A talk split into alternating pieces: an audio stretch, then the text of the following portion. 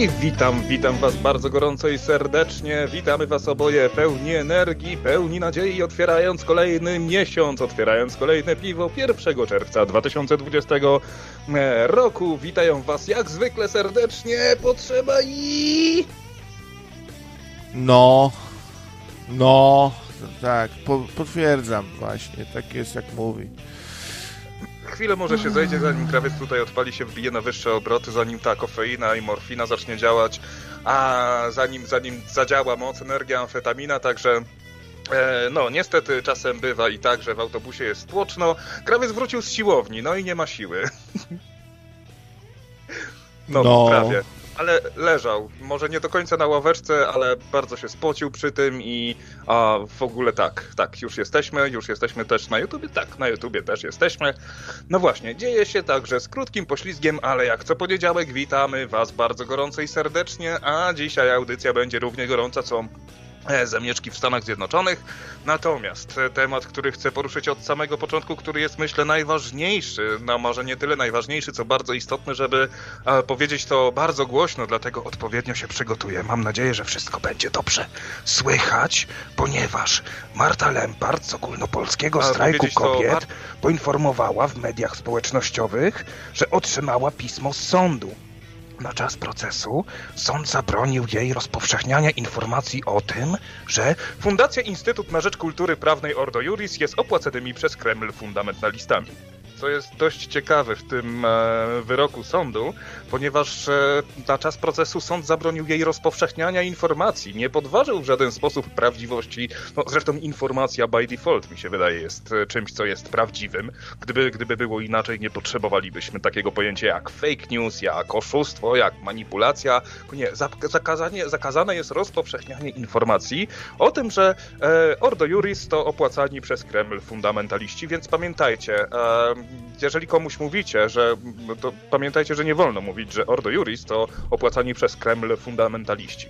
Już to się całkiem ładnie e, wypozycjonowało i nawet jeżeli w Google wpiszemy Ordo Juris to znajdujemy opłacani przez Kreml fundamentaliści. No ale kurde, tak z tygodnia na tydzień coraz więcej tego Mordo Juris e, nam się pojawia. Zresztą jeszcze do Mordo Jur- Juris dzisiaj wrócimy, e, bo mam gdzieś tutaj otwartego newsa. E, No właśnie, przy czym Ordo Juris się pozwało administratorów fanpage'a Mordo Juris, e, że się podszywają bodajże, ale to sobie muszę tutaj gdzieś znaleźć, wyciągnąć i sprawdzić. Nie mam tego pod ręką, a przed chwilą dosłownie to a przed chwilą dosłownie to widziałem. No, także jeszcze dzisiaj sobie myślę sporo porozmawiamy o zamieszkach, tak? O tym, że e, kiedy honor wzywa moim. Jak, jak, jak to było, nie? Kiedy, kiedy, kiedy, kiedy. Co to wzywa? Jak to było, że moim honorem jest walka? No, w każdym razie na pewno sobie porozmawiamy o e, zamieszkach w Stanach Zjednoczonych, które trwają już e, 6 dni, rozlazły się po całych Stanach. E, kilkanaście co najmniej miast już wprowadziło godzinę policyjną, no i o ile za dnia protesty są w miarę w miarę, a no to nocą dzieje się, e, dzieją się sceny dantejskie, no ale nie wysyłajmy policji, przecież nie wolno wysyłać, przecież oni tylko protestują. No ale o tym myślę, że się jeszcze, e, myślę, że się jeszcze o tym rozkręcimy. No dzieje się, e, dzieje się moi drodzy. E, Kto tu, komu tym chcecie zaimponować, co? Ojejku, e, nie rozumiem. Nie rozumiem, ale YouTube'a nigdy, e, nigdy nie rozumiałem. No właśnie, krawiec, więc powiedz nam, jak było na siłowni. Hmm, Dobrze, dobrze. Wszystko w porządku. Mm, Nie, musicie mi wybaczyć, przepraszam. Dzisiaj jestem zupełnie niedysponowany, bo mm, bo zaspałem na audycję. Jestem bardzo długo się y, rozbudzam, tak? Tak to się nazywa. Więc potrzeba dzisiaj tak bardziej prowadzi, a ja jestem tak trochę z boku. Nie wiem, y, kiedyś, nie, zawsze tak było, że bardzo długo się rozbudzałem i pozostaję jeszcze przez około 10 minut zawsze w ogóle nieświadomy, nie wiem gdzie jestem jeszcze i o co chodzi. I jeszcze jedną nogą w tym świecie snu po prostu. Chyba niechętnie stamtąd wychodzę po prostu do tego smutnego, jak nie powiem co, bo jest przed 23 świata.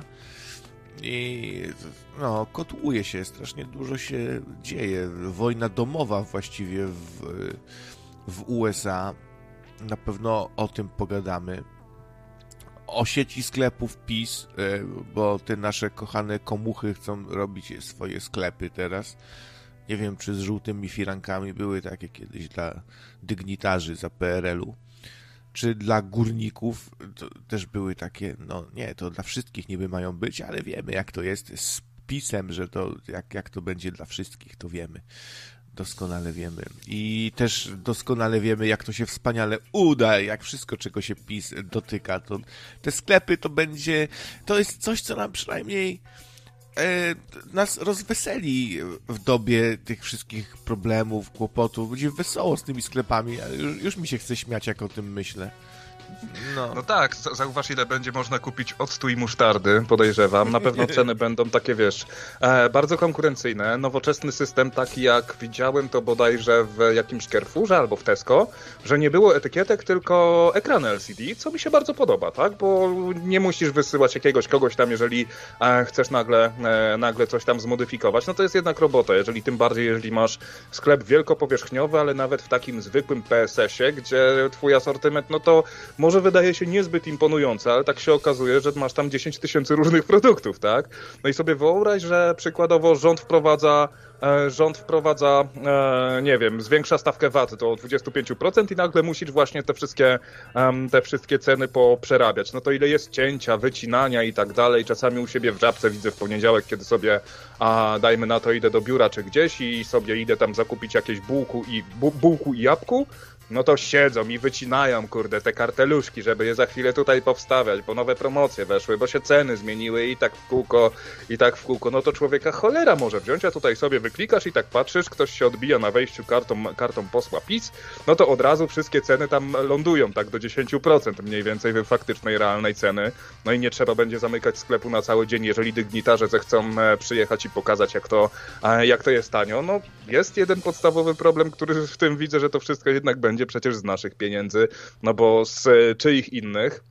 Zresztą myślę, że no nawet, e, no kurde, no nie oszukujmy się, no mając naprawdę bardzo dużą konkurencję, czy to będzie Dino, czy to będzie Tesco, jakieś zagraniczne markety i tak dalej, tak? To one już mają jakieś ugruntowaną, ugruntowaną pozycję i nawet w takich mniejszych miejscowościach typu, typu Środa Śląska, a no to już jest trochę tak wysycone i jeżeli chciałbyś sobie otworzyć sklep pod tytułem Mydło i Podwidło, jakiś taki supermarket, bo tak zrozumiałem, że to e, ma być właśnie e, sklep, e, sklep państwowy, wielobranżowy, no to wydaje mi się, że ten rynek już jest w 100% wysycony i naprawdę musisz się postarać, żeby zrobić, żeby zrobić coś, e, co by się przebiło. No i tutaj przykładem takim podstawowym może być e, inny asortyment.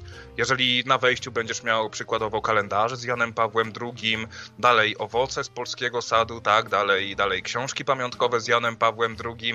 Dzisiaj właśnie też byłem na małych zakupach w markecie i, i było takie maleńkie stoisko, bo się komunie zbliżają, podejrzewam, bo ze względu na pandemię zostały e, z tego co wiem zawieszone, e, jak zresztą większość większych uroczystości religijnych.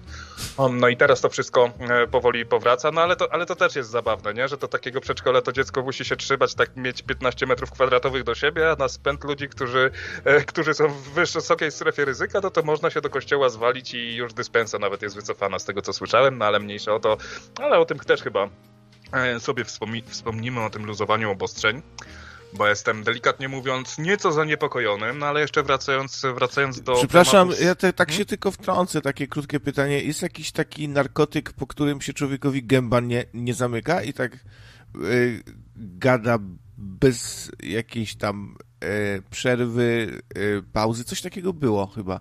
Ale, ale mów, mów, mów. Może, może, może sobie przypomnę zaraz, co to było. Nie, stymulanty dawno odstawiłem. Amfetam... A, tak? Tak, bo stymulanty to ja właśnie od, odstawiłem, bo czas było sobie w końcu powiedzieć nie i przestać to, to, to ćpać, jak ci tylko sobie tylko tak ćpali i ćpali, a potem dziób się nie zamyka i tak gadasz, gadasz, ee, potem gadasz. No, ale, bo ja w sumie chciałem przegląd, przegląd tematów jakiś tam zrobić i powiedzieć dopiero o czym będziemy gadali, ale e, po, potrzeba szybki jest, potrzeba szybki jest i się rozpędza. Chciałem jeszcze wspomnieć o Ziemkiewiczu, którego posądzono o o wiecie co. E, no, no nie mów. I w jakiejś nowej książce pisał, że mit Holokaustu używany jest przez współczesnych syjonistów do różnych niecnych celów, coś takiego i go ciągają. się zdekoncentrowałem. O Jackowskim, o przepowiedniach Jackowskiego można by też mm, wspomnieć. Tak się ogólnie zastanowić, co się stało się na tej ziemi, bo wydaje mi się, że faktycznie mamy jakby takie czasy ostateczne i tutaj chyba ciężko być sceptykiem i powiedzieć, nie, nic się nie dzieje, co dzień jak co dzień, nie? Chociaż są i tacy, co mówią, że e, nawet jak będzie wojna jakaś wielka, to co z tego, jak cały czas trwa? No, także różne, różne tematy. Sorry, to mi się dopiero kumacja tak powoli włącza, się rozpędzam wiecie, stary człowiek jest, nie? I jak taki samochód stary trzeba pchnąć, e, muszą dwie osoby pchnąć. Uuu, grupę sekcję marzy, co? E, to nie tak miało za zabrzmieć, faktycznie. No dobra, to, to, to, to szukamy kompana, można dzwonić. A mogę się nawet rozłączyć, zostawię wam chusteczki jak coś. A... No tak, no słuchaj, no o, o, czasach ostatecznych tak naprawdę mówi się od dobrych 30-50 tysięcy lat, od kiedy coś takiego jak mowa zwyczajnie powstało, tak? Zawsze po, powstawały jakieś apokaliptyczne e, wizje, jakieś właśnie, że oj, tutaj się zaraz wszystko skończy.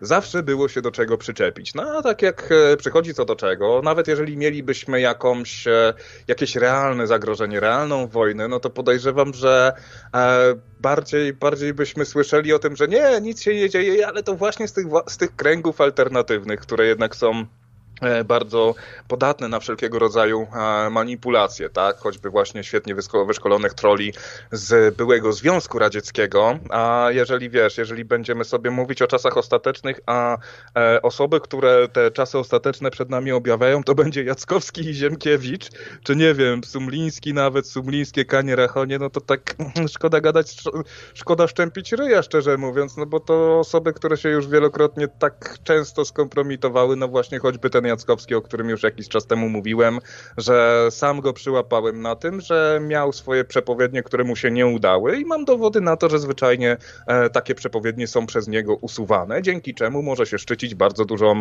e, bardzo dużą skutecznością. No to tak samo na zasadzie, jak właśnie Kunrad mówił, e, nasz Jezus Aloha, Jezu, Jezus Aloha, to, to przyczynek do biografii. Jezus Aloha.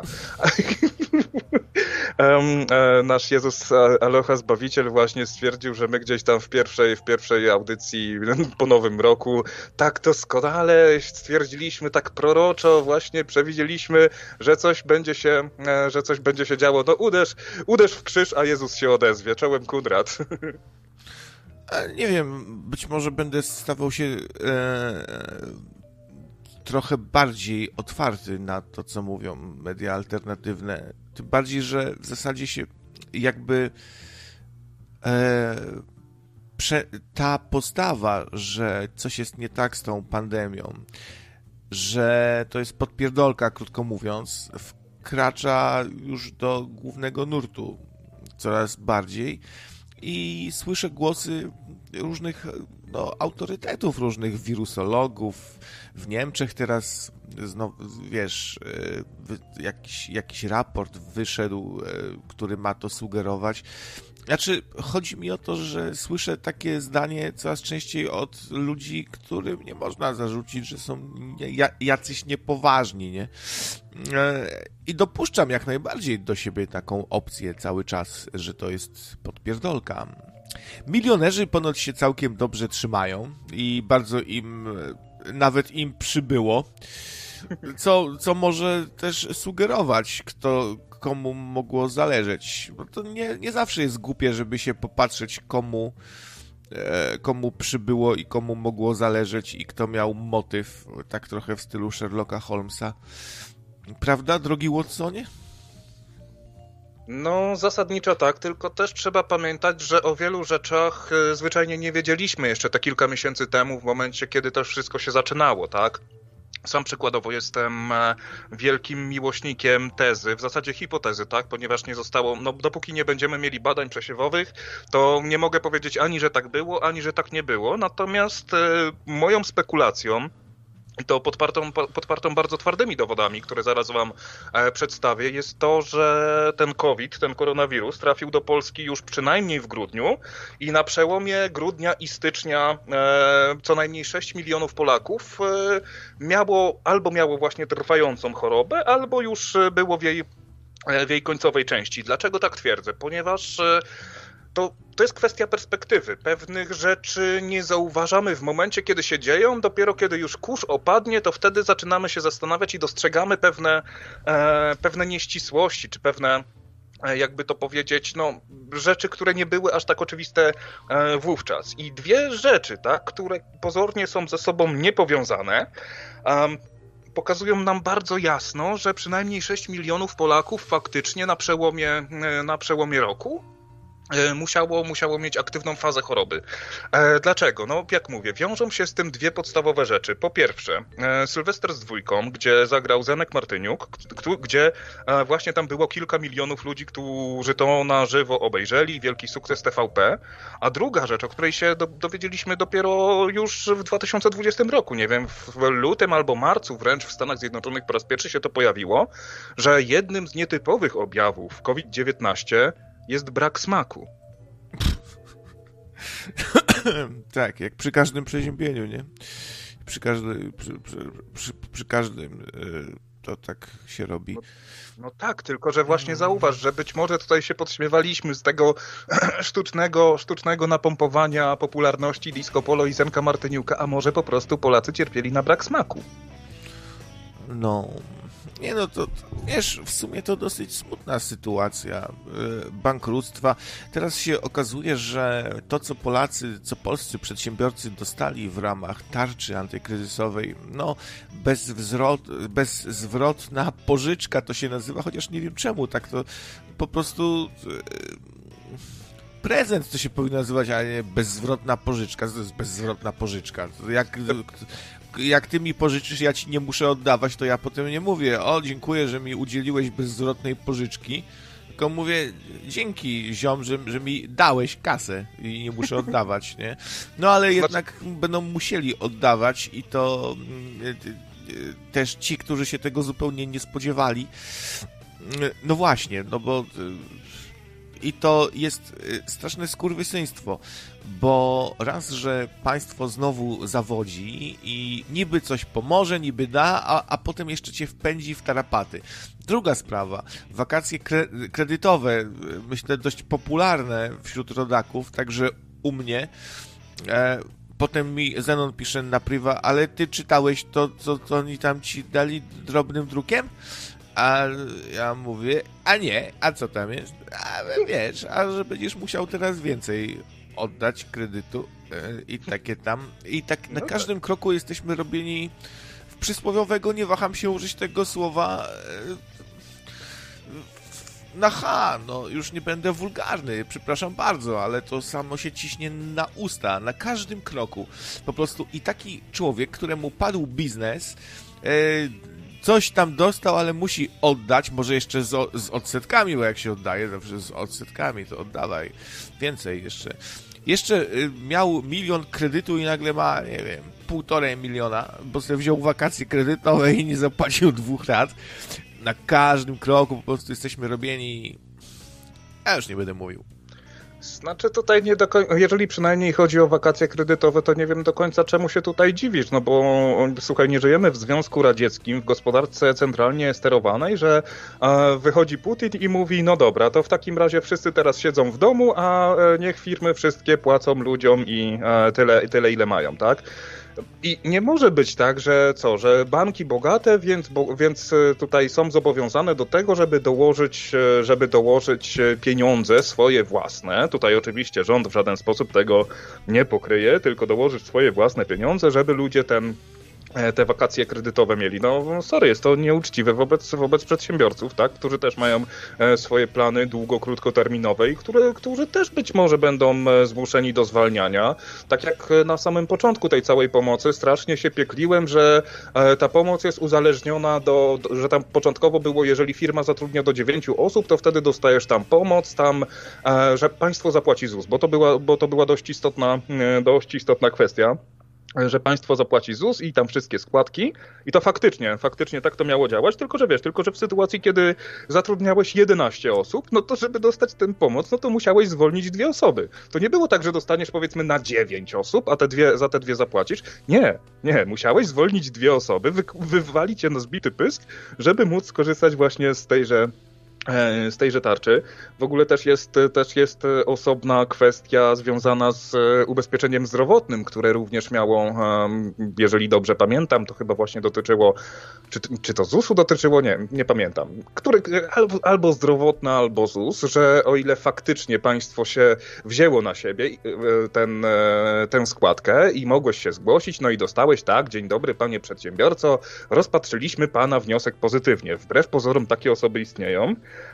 A, tylko, że państwo powiedziało, że zapłaci, a kiedy sobie wchodzisz na stronę ZUS-u, czy, czy, to wtedy widzisz, że te składki nie zostały zapłacone. Jeżeli chciałbyś przykładowo, nie wiem, zachorowałeś, tak, i musisz iść na rentę, a, no to wtedy ZUS ci mówi, a tutaj są składki niezapłacone, a państwo mi powiedziało, że je zapłaci.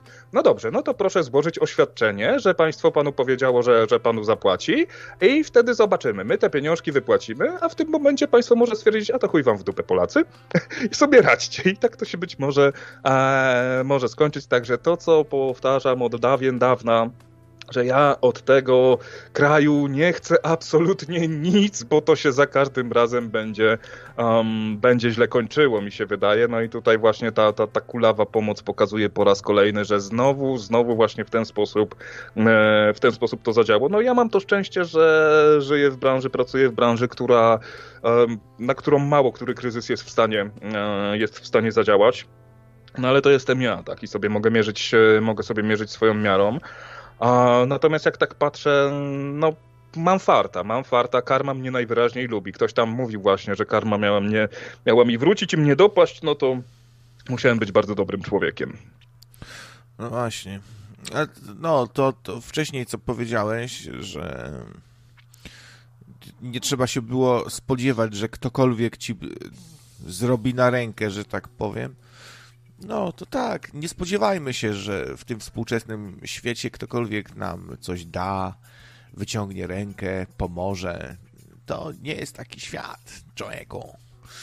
I no, także trochę mi się żygać chce nawet, jak na to wszystko patrzę. Jackowski przewiduje, że będzie kolejna jakaś globalna wielka wojna e, w drugim półroczu tego roku, a już właściwie zgubiłem notatki, niestety, no, musicie wybaczyć, dzisiaj jestem trochę niedysponowany. Nie wiem, nie pamiętam, ale to było chyba na, być może nawet już na przełomie czerwca i lipca ma dojść do prowokacji swego rodzaju, bo ma zostać aresztowany jakiś, jakiś polityk w małym kraju, i to ma się stać kością niezgody, tak jakby i przerodzić się w bardzo duży konflikt jakiś. No, Jackowski przerażony jest w ogóle tym wszystkim, kochani, patrzę, czekajcie, muszę się skupić, papieroska zapalę, chociaż nie palę, ale tym razem zapalę, ale to tak, żeby się odstresować. Ja pierdolę! No, tak. Y, tak Jackowski właśnie y, zareagował, jak zobaczył swoją wizję o, o, ostatnią właśnie w taki sposób. Ja pierdolę! E, no i więc nie wróży to najlepiej na przyszłość. No i no, ta wojna domowa w USA, która się właściwie rozprzestrzenia. Jeszcze jest inny ciekawy news. Oj, dzieje się, oj, dzieje, kochani. No, kochani moi, tak sobie pomyślałem, że jak będę mówił kochani moi wzorem jednego znanego youtubera, to mi subów przybędzie trochę. Tak więc, kochani moi, mamy do czynienia z czasami ostatecznymi.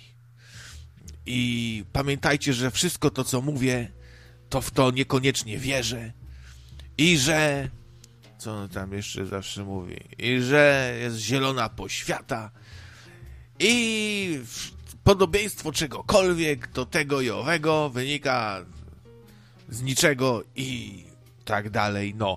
Także, a, no, ale miałem powiedzieć o Antifie. Antifa może zostanie w USA uznana za organizację terrorystyczną. A może to bardzo dobrze, bardzo dobrze. Wszystkich tych radykałów, fanatyków, e, łobuzów, którzy coś namawiają do tego, żeby kogoś ukatrupić, niszczą, nie wiem, rzucają w innych koktajlami Mołotowa, ja bym strzelał, wiesz, tak samo jak do szabrowników. E, wiem, że brzmi trochę jak etam, ale jakbym sobie postrzelał trochę. Mm, kibicuję tym wszystkim którzy, e, białym, brodatym panom z dużymi ganami, którzy ochraniają za darmo sklepy jako mm, legalni posiadacze broni w USA. I żeby tak trup słał się gęsto, e, chciałbym, e, wiesz, strasznie mam jakiś uraz do takiego, do takich parszywców, którzy z pięknymi słowami na ustach o o walce z rasizmem, wybiegają na ulicę i szabrują w sumie takim ludziom normalnym, biednym sklepy, dorobek ich życia niszczą, bo chcą mieć nowy telewizorek. E, zaczynam też rozumieć trochę, bo słyszałem, że w USA mm, ten rasizm nadal jest sporym problemem, znaczy mam na myśli tutaj stosunek policji do czarnoskórych. No to ja to znam z filmów, nie? Z Bruce'em Lee, gdzie tego Jima, Jima Kellego chcą na początku aresztować, a on jakieś te fajne takie odgłosy wydawał ten czarnoskóry karateka. A y, to jest ten, Jones, Black Belt Jones. Widziałeś Black Belt Jonesa z serialu? On tam grał też wcześniej. Nie kojarzę. Ja, jak można nie znać Black Belt Jonesa. Zajebiste. E, no. E, I to, to takie Black Spotation, czyli takie kino, które miało pokazać, jaki, jaki to czarnoskóry jest zajebisty we wszystkim. Dzielny, silny, mądry, wysportowany, w ogóle najlepszy na świecie. No ale to wiesz, ale to akurat y, tutaj akurat no po pierwsze całkowita zgoda, tak? Nie na tym polega walka z systemem, e, żeby właśnie plądrować sklepy, żeby podpalać samochody, o czym zresztą mówiliśmy niedawno, kiedy opowiadałem właśnie o E, strajku przedsiębiorców, tak, że zostali spacyfikowani właśnie, żeby czasami im do głowy nie przyszło taka mentalność, mentalność stadna i a, no właśnie plądrowanie jakiejś zamieszki, bo to wiesz, wbrew pozorom bardzo, bardzo łatwo to, jeżeli się patrzy w tej chwili na, jeżeli się patrzy w tej chwili na ten, na materiały wideo, które, które gdzieś tam latają, no to z jednej strony mamy faktycznych zadymiarzy, którzy tutaj a to sobie wybiją szybę właśnie, gdzieś się wedrą do jakiegoś sklepu, ale gdzieś w międzyczasie będzie przechodził jakiś kompletny E, nerd, jakieś 50-kilogramowe chucherko, który, który pod pachą sobie wynosi e, Lego Sokoła Millennium, tak? Gdzie, e, Wiesz, i takie, takie, sytuacje, takie sytuacje zdarzają się cały czas. Takie sytuacje zdarzają się nawet w Polsce, przykładowo przy e, sytuacjach, gdzie stado kiboli wchodzi do marketu. No to z jednej strony właśnie mamy kiboli, którzy bardzo szybko sobie tam mają doświadczenia i wiedzą mniej więcej ile mają czasu, czego się spodziewać. Tylko, że w momencie, kiedy się zrobi chleb e, w takiej biedronce, no to wtedy w innych ludziach, którzy przyszli sobie tutaj po bułki i pomarańcze, o, włącza się coś innego i się okazuje nagle, że ci ludzie, którzy którzy wcale nawet nie wiedzą o co tutaj chodzi, tak? Którzy przypadkowo się znaleźli w jakiejś dziwnej sytuacji, zaczynają również szaber. I to jest, wiesz, to jest psychologia tłumu, to jest psychologia barana, e, który widzi, że coś się dzieje, no i nagle chce się stać częścią czy to czegoś większego. No niekoniecznie, no chce sobie po prostu uszczknąć, uszczknąć jakiś kawałek.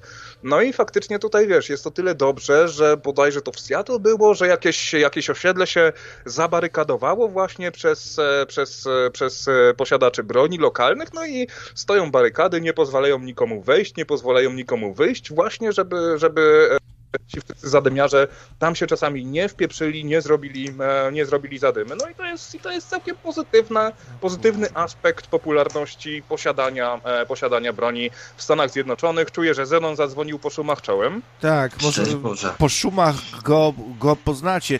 I, I Skype się przy okazji y, zwiesił. Po, czekajcie, to sobie zamknę Warhammera. E, powiedzcie powiedz mi, potrzeba...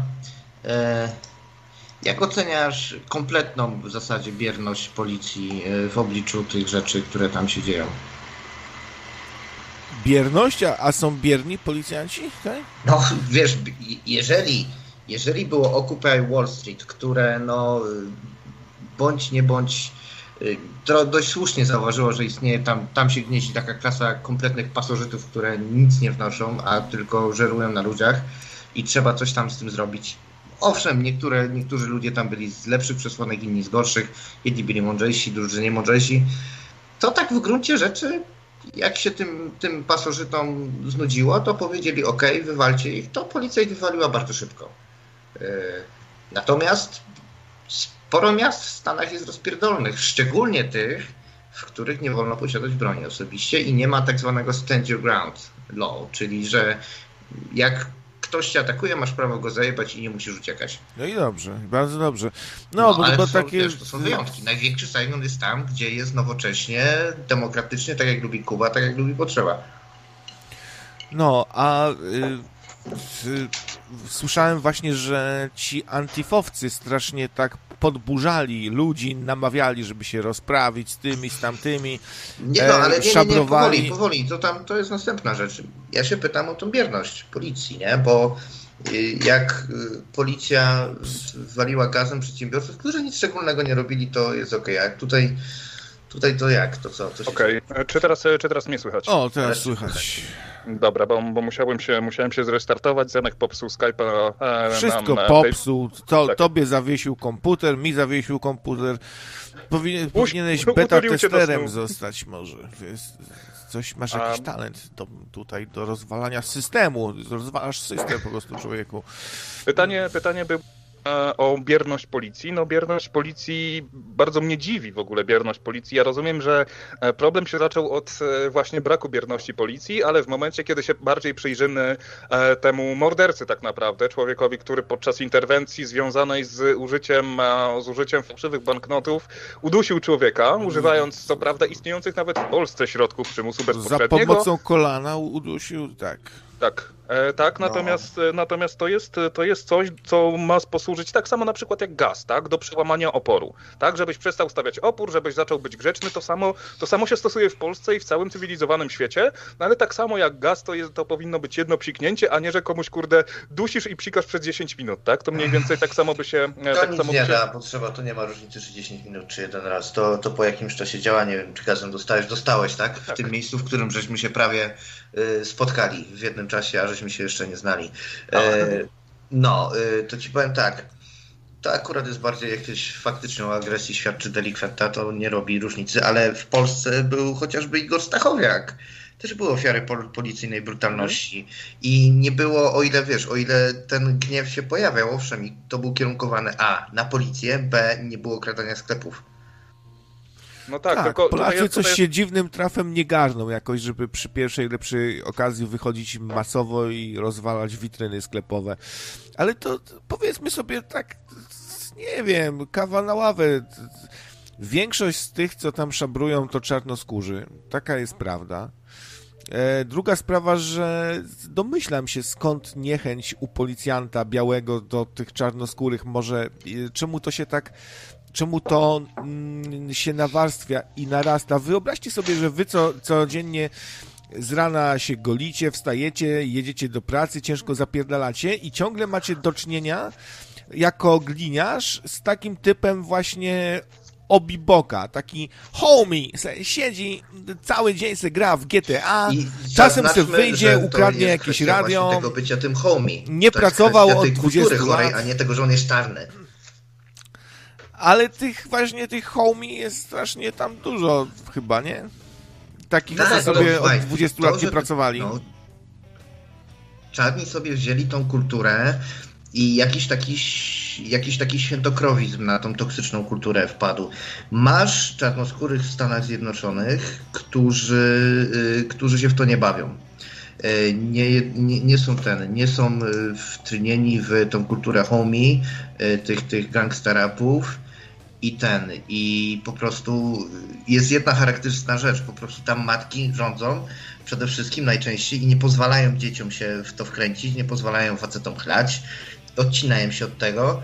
Na takich ludzi się mówi, tak jak już kiedyś wspominałem, kun się mówi, czyli ten, czyli tam shop, Y, czyli taki Uncle Tom, ktoś, kto się tam wy, wysługuje białym. Jest jeszcze coś takiego jak takie pojęcie jak acting white, nie? czyli zachowywać się jak biały, czyli na przykład jak, jak dobrze się uczysz w szkole i nie robisz dymu i nie słuchasz hip-hopu, a jesteś murzynem, to jest acting white i już cię, wiesz, i wtedy już cię reszta ekipy, y, homies y, gnoi, nie? To, to z kolei się nazywa y, mentalność kraba, nie? Czyli my wszyscy jesteśmy w gównie i nie pozwolimy nikomu z tego gówna wyjść. To też w Polsce ma miejsce, no. Tutaj jeszcze warto by było zaznaczyć, że ten policjant, który, któremu postawiono zarzut morderstwa, któremu grozi 25 lat w więzieniu, a wiadomo jak policjanci są traktowani w więzieniu, także życzę mu naprawdę długiego wypoczynku. E, on przez 19 lat służby zdobył, zdobył 17, nie wiem czy to nagan, czy właśnie jakichś takich, coś tam z wpisem do akt. Nie wiem jak, jak, to, jak to prawnie wygląda w Stanach Zjednoczonych, ale właśnie przez 19 lat służby e, 17 razy, delikatnie mówiąc, przegiął pałę. Więc to też o czymś, o czymś systemowym powinno świadczyć, że no mimo wszystko należałoby takich ludzi wykluczać, żeby temu zapobiec w pierwszej, w pierwszej kolejności, tak? Więc tutaj e, poszło, poszło bardzo nie tak. Natomiast co do samej niemrawości policji, no oczywiście to powinno moim zdaniem zostać zduszone natychmiast w momencie, kiedy doszło do plądrowania i to na zasadzie nie, że za tydzień wejdzie Gwardia Narodowa, która wchodzi właśnie wczoraj, dzisiaj, e, tylko, tylko od, razu, od razu wziąć to wszystko za mordę, żeby się to nie rozlało po całych Stanach, bo nagle się robi, wiesz, modne i tak dalej, ludzie z jednej strony ok, wrzucają sobie Black Lives Matter na Facebooki, no Black ale z Lives drugiej Matter. strony... Wiesz co ty powiedziałeś? Black Lives Matter? Powiedziałeś czarny opuszcza matkę. Nie wolno tak, Tak mówić. No. To jest an, antyczarnizm. To, to jest Ale- twój ras, rasizm, rasistą, Black Lives Matter. Ale to, to przecież Ja- Jak wiemy, czarny czy- obchodzi ten, jak czarny obchodzi Dzień Ojca. No, no szerokim łukiem. Kurwa. Ale to Tam wiemy... w Dzień Dziecka zjebałem, kurwa, w Dzień Dziecka spaliłem taki No, żart. coś, O, coś kurwa. nieśmieszne jakieś wyszło. Ale to, to wiemy, czemu tak jest, że policja ma związane ręce i sobie y, nie za bardzo ma pole działania, bo y, wydaje mi się, że wszyscy ci cza- czarni, co wyszli na ulicę, zrobiło się głośno o, o rasizmie w USA, e, no to, to trzeba jak z jajeczkiem teraz, tak? I trzeba y, najlepiej spałować się dać temu czarnemu, e, żeby, żeby, żeby, żeby pokazać, że wcale tak nie jest. Co, gdyby tak jeszcze jeden czarny zginął, to, to by wyszło jeszcze więcej tych czarnych. I to jest świetna strategia, moim zdaniem. Tu nie chodzi o to, żeby teraz walczyć z, z rasizmem czy cokolwiek, tylko chodzi o to, żeby po pierwsze pokazać swoją siłę, żeby się rząd i system i policja i wszyscy e, i politycy bali, a dwa, y, żeby sobie tak nazbierać takich punktów, y, za które potem przez dłuższy czas będziesz bezkarny, bo teraz się wszyscy będą bali w ogóle czarnego zaczepić, aresztować, zapytać się go, bo to rasizm i to chodzi o to, żeby po prostu teraz tak w, jak nie, ciężko mi to ok- określić po prostu. To jest takie zachowanie takie, o, takie narobienie histerii, żeby potem się balić i zwrócić uwagę. To nie jest pierwszy raz, kiedy, kiedy ma coś takiego miejsce. To jest już któryś raz z rzędu. Najbardziej znany ostatnio przypominany jest 92 rok, Los Angeles, e, kiedy też jakiś policjanci tam ostro zdali jednego czarnego. Zaczęły się ogromne zamieszki i są takie, wiesz, charakterystyczne zdjęcia, e, gdzie są e, koreańscy właściciele sklepów, po prostu na dachach z bronią długą i, i bronią tych swoich sklepów. Albo nawet są nagrania, kiedy normalnie na ulicach się strzelają ci ludzie z murzynami, którzy chcieli okraść ich, ich ten, ich sklepy. Następna rzecz jest taka, potrzeba, nie da się armii, y, Gwardii Narodowej walnąć już tego samego dnia, bo po prostu takie są, y, takie są zasady mobilizacji w Stanach Zjednoczonych i jeżeli nie ma ostatniego defkonu, no to nie da się ich po prostu tak szybko zmobilizować i tyle. No to jest fizycznie niewykonalne. Oni nie siedzą w koszarach. To są Weekend Warriors, tak? To jest coś jak nasza ta... WOT. y, no, WOT, dokładnie. To jest coś tego typu. No E, z jednej strony tak, no ale w sytuacjach ekstremalnych, no to nawet to wojsko wypuścić na ulicę, bo mamy do czynienia z sytuacją, w której zagrożeni są obywatele, uczciwie pracujący, płacący podatki, a nie masz potem sytuację, dzień dobry, nazywam się sierżant John Smith i jestem policjantem NYPD. Za chwilkę rozpocznę pałowanie. Czy wyraża pan zgodę na uderzenie gumową pałką w nerki? Nie. A to przepraszam, mam nadzieję, że pan mnie nie pozwie, bo ja chciałem tylko panu zasugerować. E, Gdyby e, zagrożone słuchaj, było, gdyby gdyby zagrożony sytuacja... był majątek i życie czarnoskórych, to w Trymiga by się zmobilizowano i w ogóle bombę Jaki atomową... majątek czarnoskórych? to, nie, no to jest kwestia, słuchaj, to jest kwestia głupio, też... Głupio kwestii stanowych, takich rzeczy, jeżeli byś zrobił deployment wojska federalnego na terenie y, stanu jakiegoś, no to wtedy teoretycznie, prawnie ten stan, zależy który, bo nie wszystkie to podpisały, może robić secesję. No, jeżeli będzie wewnętrzna tam. To, to jest tam masa takich niuansów. Najpierw się rzuca Gwardię Narodową, dopiero jak jest fest przesrane, wchodzi wojsko regularne w Stanach. Ale to są detale, to są detale, nie? E, no, także wiesz, to jest któryś raz, kiedy znowu przypadkiem, znaczy przypadkiem, znowu policja y, zabiła jakiegoś, tam uszkodziła jakiegoś czarnoskórego. Stami czarnoskórzy nieszczególnie się przejmują faktem, że tak generalnie oni rzadziej od y, policji dostają niż biali, a co ciekawe, to nie jest tak, że biali im coś robią. Najczęściej czarnoskórzy zabijają czarnoskórze. I to jest ogromna dysproporcja w tym. Ja słyszałem, że 70% więźniów w tym prężnym przemyśle więziennym y, w tych, pre, w tych największych na świecie więzieniach, e, to czarnoskórzy. E, I że USA ma, jest na drugim miejscu, jeśli chodzi o liczbę więźniów za Koreą Północną. E, no, a, a, a, ten problem z, z, czarnoskórymi, z ich jakby, znaczy, ja nie wiem, czy możemy tu mówić o tym, że ich się źle traktuje, bo są źle traktowani przez, przez policję, a może jest tak, że wśród nich jest nadreprezentacja po prostu bandytów i gangsterów nie wiem, to nawet przecież taki stereotyp jest, że o, czarny gangster, yo man, łazi sobie w tych klapeczkach, w tych podkolanóweczkach. tłumaczył, tak, że, że wiesz, że jeżeli jesteś, że jeżeli jesteś bardzo ładnym murzynkiem bambo, który tutaj jest ułożony, uczy się, chce iść do koledżu, no to a się wychowujesz w jakimś właśnie takim getcie, tak, bo te getta też się w pewien sposób same wytworzyły, no bo nikt, kto chce widzieć swoją przyszłość jakoś tam, no to nie będzie, nie będzie mieszkał w takim miejscu i się zwyczajnie stamtąd wyprowadzi prowadzi, nawet jakimś, jeżeli jakimś cudem to e, tam to trafi, no to jest, to jest problem taki podstawowy, że nie bardzo widzę, wiesz, sposobu na rozwiązanie tego, no chyba, że dać im jeden stan, a potem to zbombardować na palmem, tak? No, no. Tak.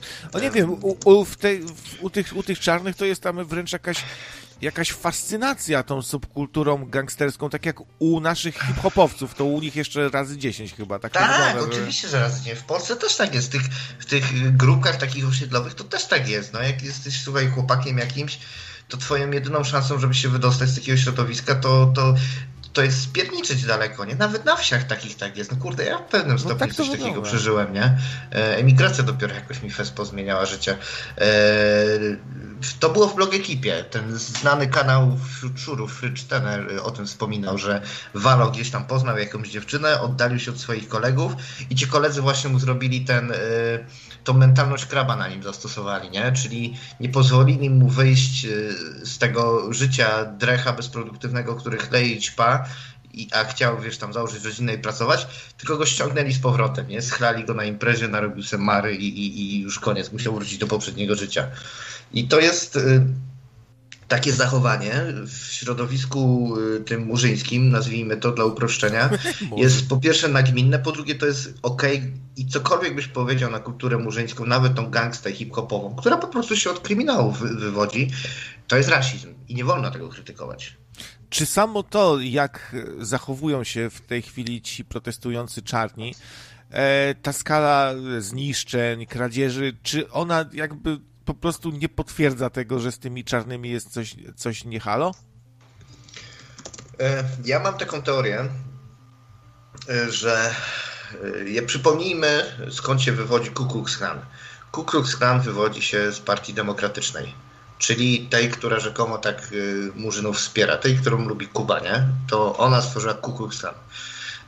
I zawsze to była rasistowska partia, no, chociaż tam Lincoln, będący republikaninem, z tego co pamiętam, też był rasistą i był, był separatystą. Chciał tych ludzi wywalić y, ze, ze, ze Stanów. Dużo w Stanach, jeżeli chodzi o rasizm, a interesuje się tym od no, ładnych paru lat, rzeczy jest ukrytych, pomieszanych i masz coś takiego, mm, bardzo to wiesz, y, u nas w historii też takie rzeczy są, tylko my nie jesteśmy świadomi, tak samo jak Amerykanie jesteśmy świadomi dość powszechnym, znaczy generalnie na, na wydziale w europejskiej uczelni, na wydziale historycznym albo jakichś nauk społecznych, każdy profesor ci powie, że Amerykanie wiedzieli o tym, że będzie atak na Pearl Harbor, pozwolili do niego, y, wiesz, zrobić i że to po prostu zwyczajnie było szukanie kasus belli, nie? Tak samo dosyć powszechnie y, znaną sprawą jest to, że jeżeli chodzi o kwestię rasizmu, to w gruncie rzeczy paradoksalnie południe miało lepszy plan, jak z tego rasizmu wyjść, jak murzynów yy, uwolnić, jak i dać im edukację. Taki plan był na południu, nie na północy. Nie? No i na przykład też nie mówi się o tym, że Abraham Lincoln, który jest honest ape i wzorcem jest niby antyrasizmu, że niby zrobił wojnę, żeby uwolnić murzynów, no zrobił ją z powodów ekonomicznych, a nie żeby murzynów uwolnić. Mało tego, ten sam Abraham Lincoln y, wywoził murzynów ze Stanów Zjednoczonych i tak powstała Liberia. Tego w Stanach się nie mówi. To jest takie, wiesz, polityka historyczna, to się fachowo nazywa. Zakłamanie. Na zachodzie tutaj się dowiesz, tam się nie dowiesz. Zakłamanie zwykłe, ja bym to nazwał. I e, A czy udało się Etama odebrać mimo zawieszonego Skype'a? E, cześć Czarnuku, tutaj White Power z tej strony. Słychać mnie, mam nadzieję, dobrze i wyraźnie. Biała pała! No, chciałem obalić mit potrzeby, że z takiego jak to się nazywa? Co my mówiliśmy dwa tygodnie temu, że jak jesteś w kordonie, to jesteś aresztowany. Nie, to jest nieprawda. Dowiadywałem się. To jest nieprawda, że jesteś aresztowany będąc w kordonie, natomiast twierdzą, Zatrzymany, że... nie aresztowany. Zatrzymany, nie aresztowany. Zatrzymany. No, jedno i to samo mam na myśli w tym przypadku. Natomiast no, ja jeśli chodzi... Jeśli chodzi o, o to, że jak już zostaniecie otoczeni kordonem, to oni twierdzą, że się nie da wydostać. No więc y, przyjrzyjmy się zamieszkom. Jeżeli tak by to w Polsce wyglądało, jak w Stanach, to ta policja nie miałaby żadnych szans. Żadnych szans. Roznieśliby ich w drobny mak, w drobny pył po prostu. 6 czerwca myślę, że będziemy mieć podobne sceny w Polsce, tyle tylko, że polskie społeczeństwo będzie spokojne i potulne jak baranki. Jak biały człowiek. Słuchajcie, brać ten, przykład. Ja jeszcze chwilę zostanę, ale jakbyście chcieli coś rzeczowego się dowiedzieć, żebym się wypowiedział na temat, a ten to to mogę coś powiedzieć, nie? Chyba, że chcesz koniecznie tam jakieś swoje pierdoły tutaj wygadywać. No taką pierdołę proszę. mogę ci opowiedzieć, przecież to oczywiste, dlaczego, dlaczego wśród czarnych jest większa agresja. To jest mają więcej testosteronu, ponieważ... mają, no mają. no dokładnie tak, to jest biologia. Biologia. Czarny ma średnio większego, dlatego że ma większy, większy testosteron i to jest, to, to, to jest cała prawda na ten temat i tutaj nie ma o czym w ogóle dyskutować. No. To, to, to jest, są rasy ludzi.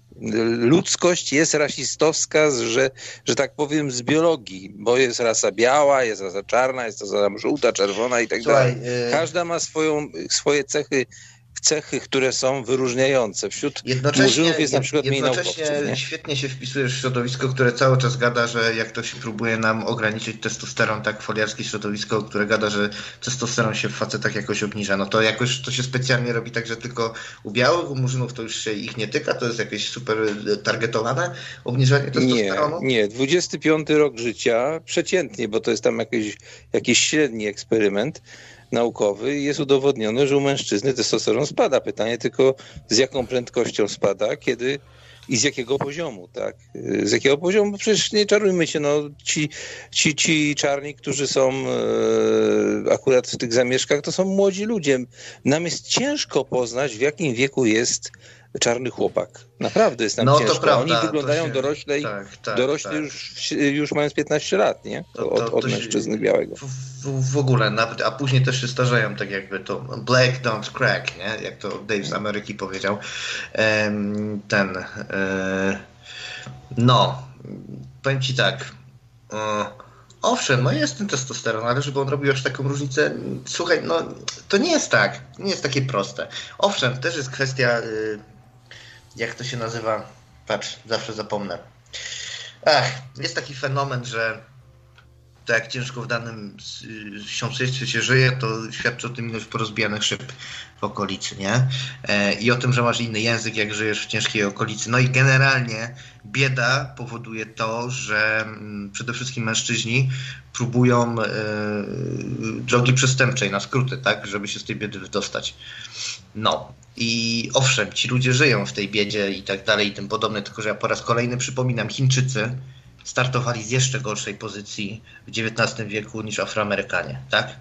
z dużo gorszej, no bo taki murzyn po wojnie secesyjnej miał zero.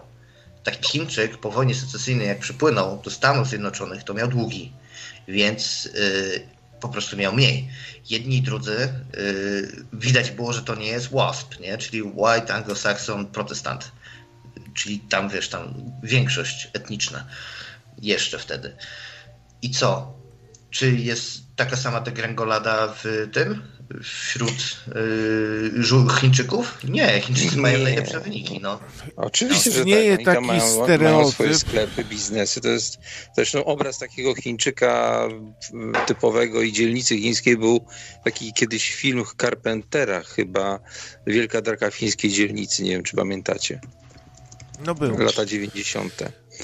Ja tu bym apelował, żeby pewna koleżanka nie szukała zaczepki, bo już szuka kilka dni i nie znajdziesz jej, moja droga. Tak ci tylko powiem. Chyba właśnie znalazła, jeżeli, jeżeli się tym przejmujesz. Ale w każdym razie słuchajcie, no przede wszystkim Chińczycy mają trochę inną kulturę, trochę, no przede wszystkim są bardziej karni. Cały e, czas o tym mówię. Co do zasady, tak? Więc, e, więc tutaj mówimy właśnie o takich uwarunkowaniach e, kulturowych, gdzie mogę, odważę, odważę się powiedzieć, że rasa to jest nie tylko twój kolor skóry, ale jest to również kontra, kon, konstrukt społeczny, podobnie jak płeć ku kultura, pewne jakieś naleciałości. E, oglądałem, oglądałem te rzeczy. Franceskę Ramsey, taką znaną, sponsorowaną właśnie przez różnych Rothschildów, że tak powiem, i e, korporacji i rządy, e, dziewczynkę, e, która powiedziała, że ten, że to jest konstrukt społeczny, e, ten, e, ale to wcale nie znaczy się, że jeżeli jest wymyślona, że nie wpływa na twoje życie. O istnieje taki stereotyp, że czarni są leniwi ogólnie. Może coś w tym jest i może dlatego, że są leniwi w dużej części, to są biedni na, na przykład. A jak są biedni, to jest więcej przestępstw. I... Czemuś biedny, boś głupi, a czemuś głupi, boś biedny. Boś czarny. No ale nie, no przyjrzyjcie się wśród na przykład fizyków, teoretyków, yy, nawet na tych programach Discovery, tam właściwie występuje tylko jeden, Taylor się nazywa, taki o. fizyk, teoretyk, nie? Nie, nie? nie ma poza tym ani jednego. Neil deGrasse Tyson. Tak, tak, tak. tak. A, e, tak, tam no, jak, jest, jak zwykle jest... precyzyjna informacja. Jakiś ten, Taylor, Taylor, Swift. Nie, chodzi tutaj o to, że e, czarni, ponieważ się bardzo często w tych gettach są zamykani i wychowują, mają nad sobą swego rodzaju szklany sufit, który przez ich, e, przez ich społeczeństwo jest ustawione. Ja 18 lat spędziłem na zapadłej dziurze, w zapadłej pomorskiej wiosce i wiem, jak to wygląda od środka, jak, jak moi koledzy z podstawówki nie widzieli w ogóle jakichkolwiek perspektyw, żeby zobaczyć w życiu więcej niż koszalin, tak? Ponieważ na tym kończył się ich świat mimo że mieli jakieś tam podstawy, żeby choćby pójść na studia, tak? E, nawet, nawet z szansą na stypendium socjalne, dajmy na to. No i pojedyncze przypadki z e, no, paruset osób, które tam poznałem, faktycznie tą drogą poszły i odniosły jak, jak, jakiś tam taki sukces, tak? Tylko, że e, pierwsza rzecz to w wieku mniej więcej 10 lat tacy ludzie już wiedzieli, że ja stąd wyjadę i będę tutaj co najwyżej wracał do moich starych na Wielkanoc i Boże Narodzenie. Ja tutaj nie wrócę, żeby, nie wiem, żeby założyć rodzinę i przewracać widłami gówno z, ze stodoły do, do, do studni. No to jest coś podobnego z tą różnicą, że ci koledzy chyba mają trochę mniej napadów rabunkowych na koncie niż ci kolesie z Compton. E, dlatego, że nie ma tam za bardzo czego napadać. Zresztą kiedyś, kiedyś pokazywałem ci na Street View, jak to wygląda. Tam nie ma no, czego napadać. Nie ma, nie ma, nie ma. Blaszak jest do opierdzielenia i sprzedania na złomie. No Ale właśnie na... tutaj, tutaj, kiedyś, kiedyś z Zenonem mieliśmy sobie taki, taki rajd po Street View, zrobiliśmy podczas prywatnej rozmowy, właśnie pokazałem miejsce, gdzie się wychowa wy wychowałem. Nie, o, ta stodoła się zawaliła 20 lat temu, cały czas jest zawalona. No, to coś po prostu A może ty, no. Etam, powinieneś no. czuć jakąś solidarność z czarnymi, to oni też mają dysprację, tak bardzo często chorują na, na to, Ale co ty masz. to nie, to system zasiłków też tam tak zrobił, to znaczy z tych takich poważniejszych informacji, które ja tam kiedyś raz czy dwa sobie poświęciłem, to raz coś właśnie poczytałem na ten temat, kiedy szukałem nieruchomości w Detroit, bo tam było się bardzo tanie na na Murzynowie słynnym. I, po prostu właśnie była informacja taka, że znaczy dotarłem do takich informacji, że mi, mniej więcej chodzi o to, że, że te zasiłki właśnie i całe rodziny tam po prostu z zasiłków żyły. W 2007 roku, kiedy był ten słynny kryzys nieruchomości 7-8, tak? Tam, tam, tam te, te fundusze Fannie Mae i ten drugi, już nie pamiętam dokładnie nazwy, to właśnie było to, że nie mogły banki, nie mogły odmówić czarnemu y, na zasiłku kredytu na dom, nie? I no. to, się, to, się, to się posypało, tak zwani ninja. To ten Michalkiewicz ich tak nazywał ninja. Czyli bez pracy, bez perspektyw, bez y, żadnych zdolności finansowych, z zasiłkiem i z kredytem, nie?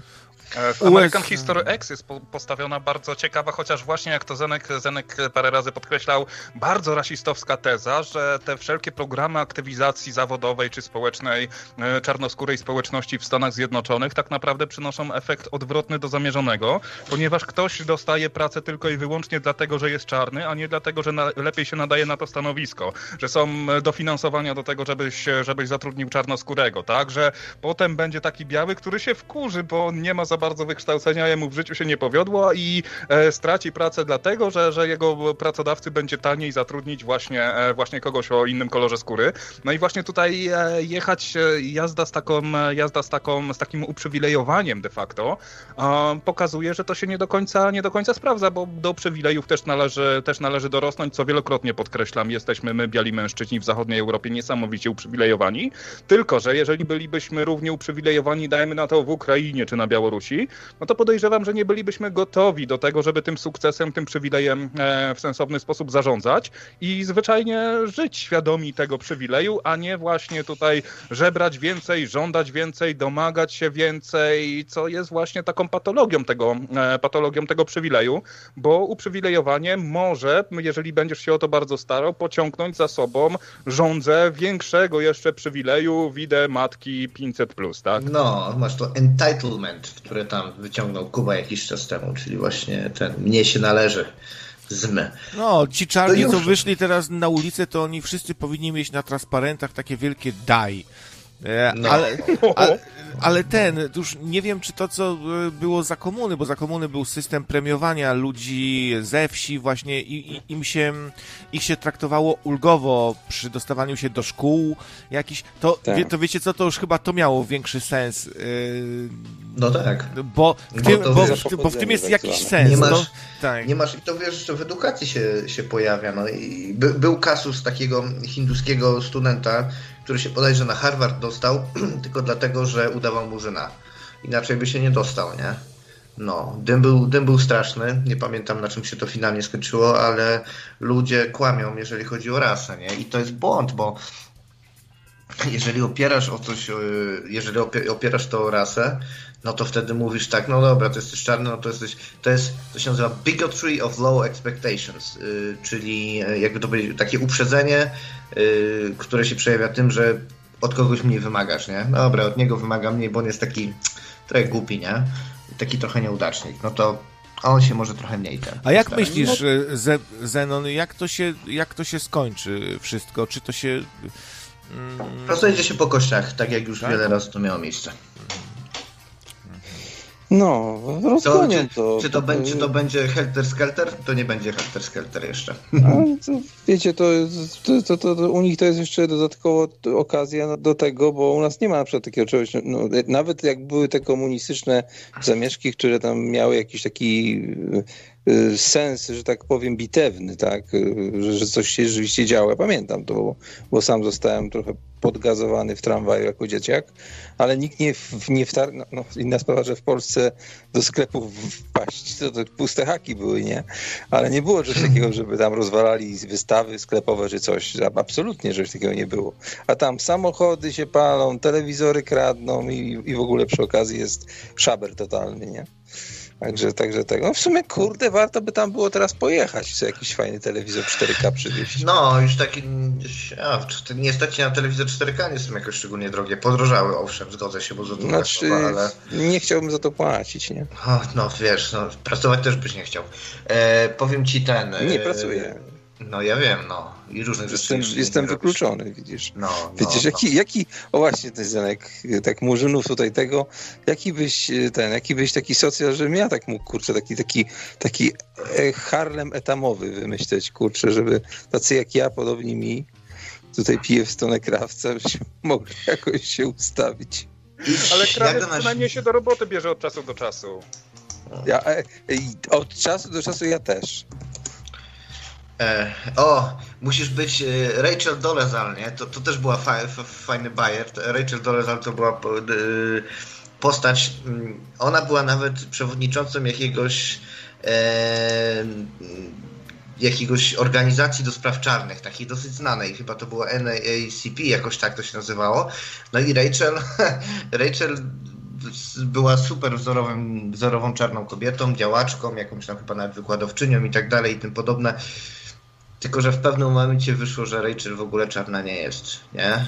I, i wtedy się pojawił problem taki, bo to lewicowe środowisko z jednej strony najpierw za ryzyko powiedziało, że jest oburzone i w ogóle jak to tak, ale z drugiej strony już za daleko zaszło, miała dobre znajomości, więc trzeba było świrować pawiana i wtedy chyba tak po raz pierwszy na szersze wody wypłynął, y, wypłynął coś takiego jak transrasowość. Czyli generalnie musisz powiedzieć, że jesteś transmurzynem.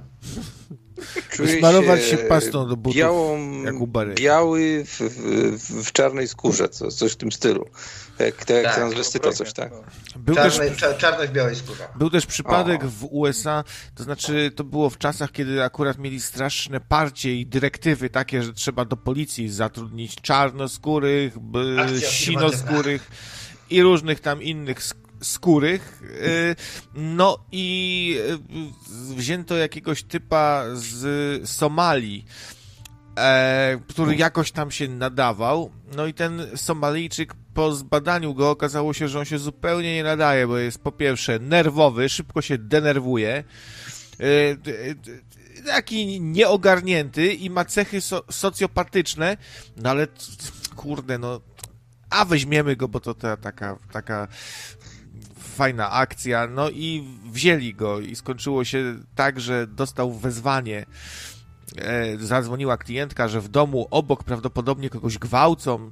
No to pojechał tam, nie chciało mu się, bo on w ogóle tak też często nie odbierał tych wezwań, bo boleniwy jeszcze był. No, ale pojechał akurat tym razem, przyjechał tam i nie mógł znaleźć tego domu, bo jeszcze taki nieogarnięty trochę był w sumie, nie? I, po, I biegnie w jego kierunku ta klientka, co dzwo, dzwoniła, chciała mu wskazać kierunek, to się wystraszył i ją zastrzelił, no. no. I, i, i, I dostał 12 lat. No ale słuszna akcja, no, no trzeba wyrównywać szanse, no. Ja, to, to mi Zenek podsunąłeś dobry pomysł. Transrasowość, to ja się czuję e, transfunkcjonalność. Ja się czuję e, prezesem korporacji. I proszę mi teraz coś z tym no, zrobić. Transmilionerowość jeszcze jest. Nie jestem, o, no, jestem no. milionerem w ciele biedaka. Wiesz co, wiesz co, tam ty jesteś amiga w ludzkim ciele. O. Nie no, wiesz... Powolny, nie, nie, nie, nie, nie, słuchaj, nie, nie, nie, to jest nieprawda, potrzeba Amiga coś robiła. Amiga nie, Amiga nie była humorzasta w sumie. Ja dopóki pracowałem na Amidze tak, też tak. coś robiłem, no. A co moja wina, że teraz się nie da niektóre rzeczy zrobić na Amidze? Hmm? Twoja wina, nie zaprogramowałeś tego, żeby się dało w tym Amosie.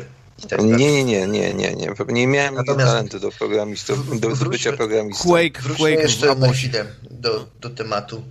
E, jest ciekawy ten, ciekawy motyw. E, chodzi o pomnik Kościuszki, tak tylko chwilę mi mrygtało, nie zgłębiłem tematu. O, to będzie to No, no, okazało się, że Murzyni tam jakoś zdewastowali pomnik Kościuszki, nie? I wszystko by w tym było w porządku, gdyby nie to, że Kościuszko swój testament przekazał na rzecz czarnych, żeby uwolnić tylu niewolników, ile się da i zapewnić tym uwolnionym edukację i dobry start, pole y, i ten, i narzędzia do pracy i tak dalej, nie?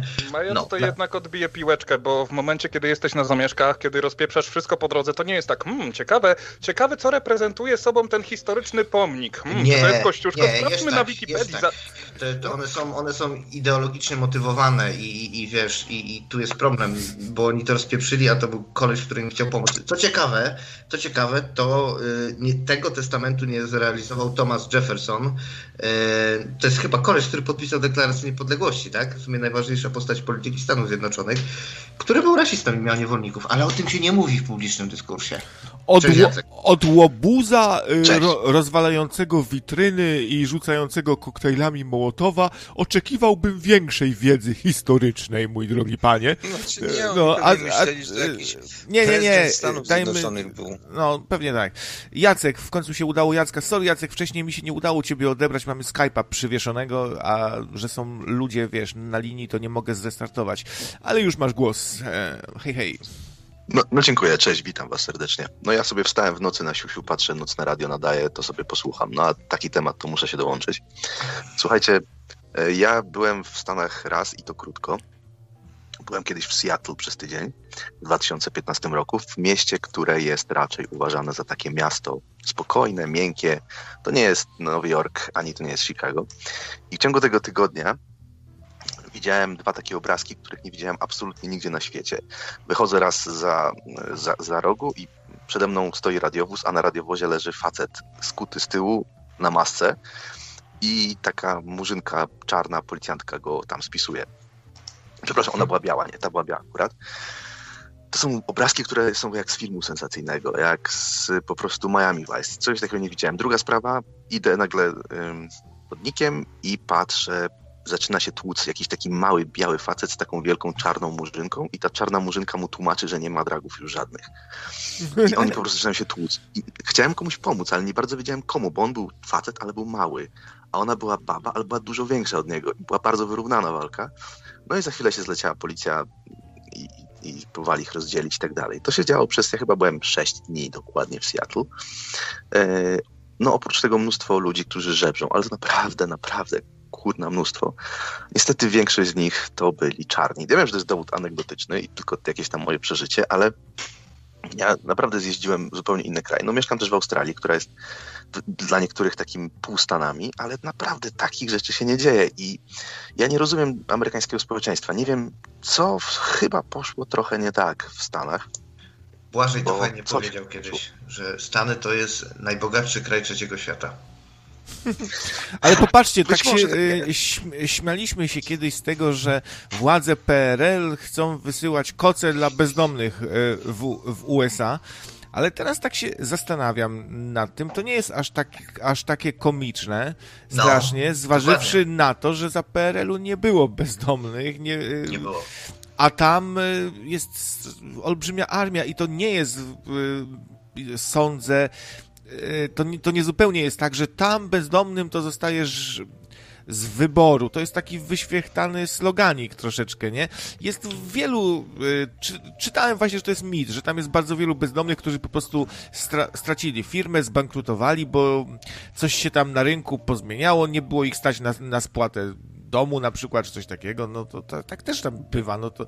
Zmiękczę, zmiękczę temat i e, rzucę na anegdotką, nie wiem czy słyszeliście, ale prezydent Meksyku poprosił Donalda Trumpa o przyspieszenie budowy muru między Stanami Zjednoczonymi a Meksykiem.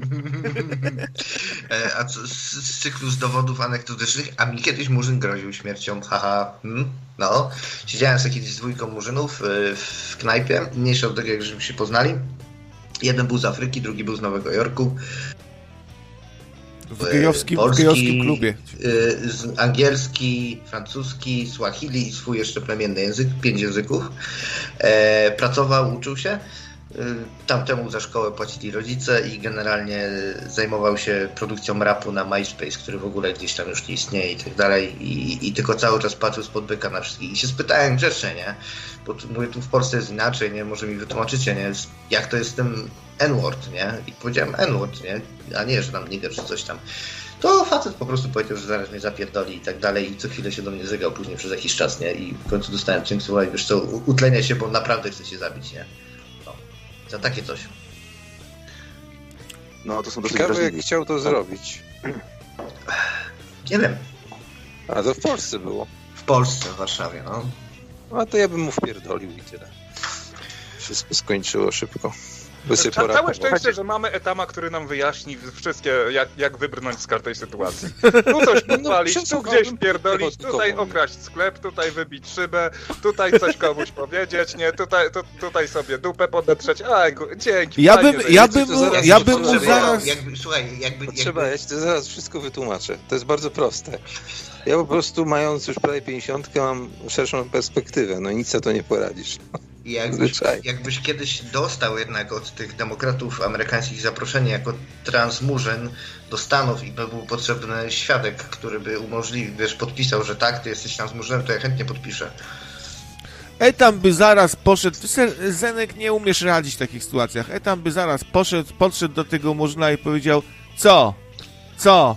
I, i, i tamten by z uszy po sobie by zwiał od razu. No, a ten... jakby Etam mu zaczął tłumaczyć, to tak.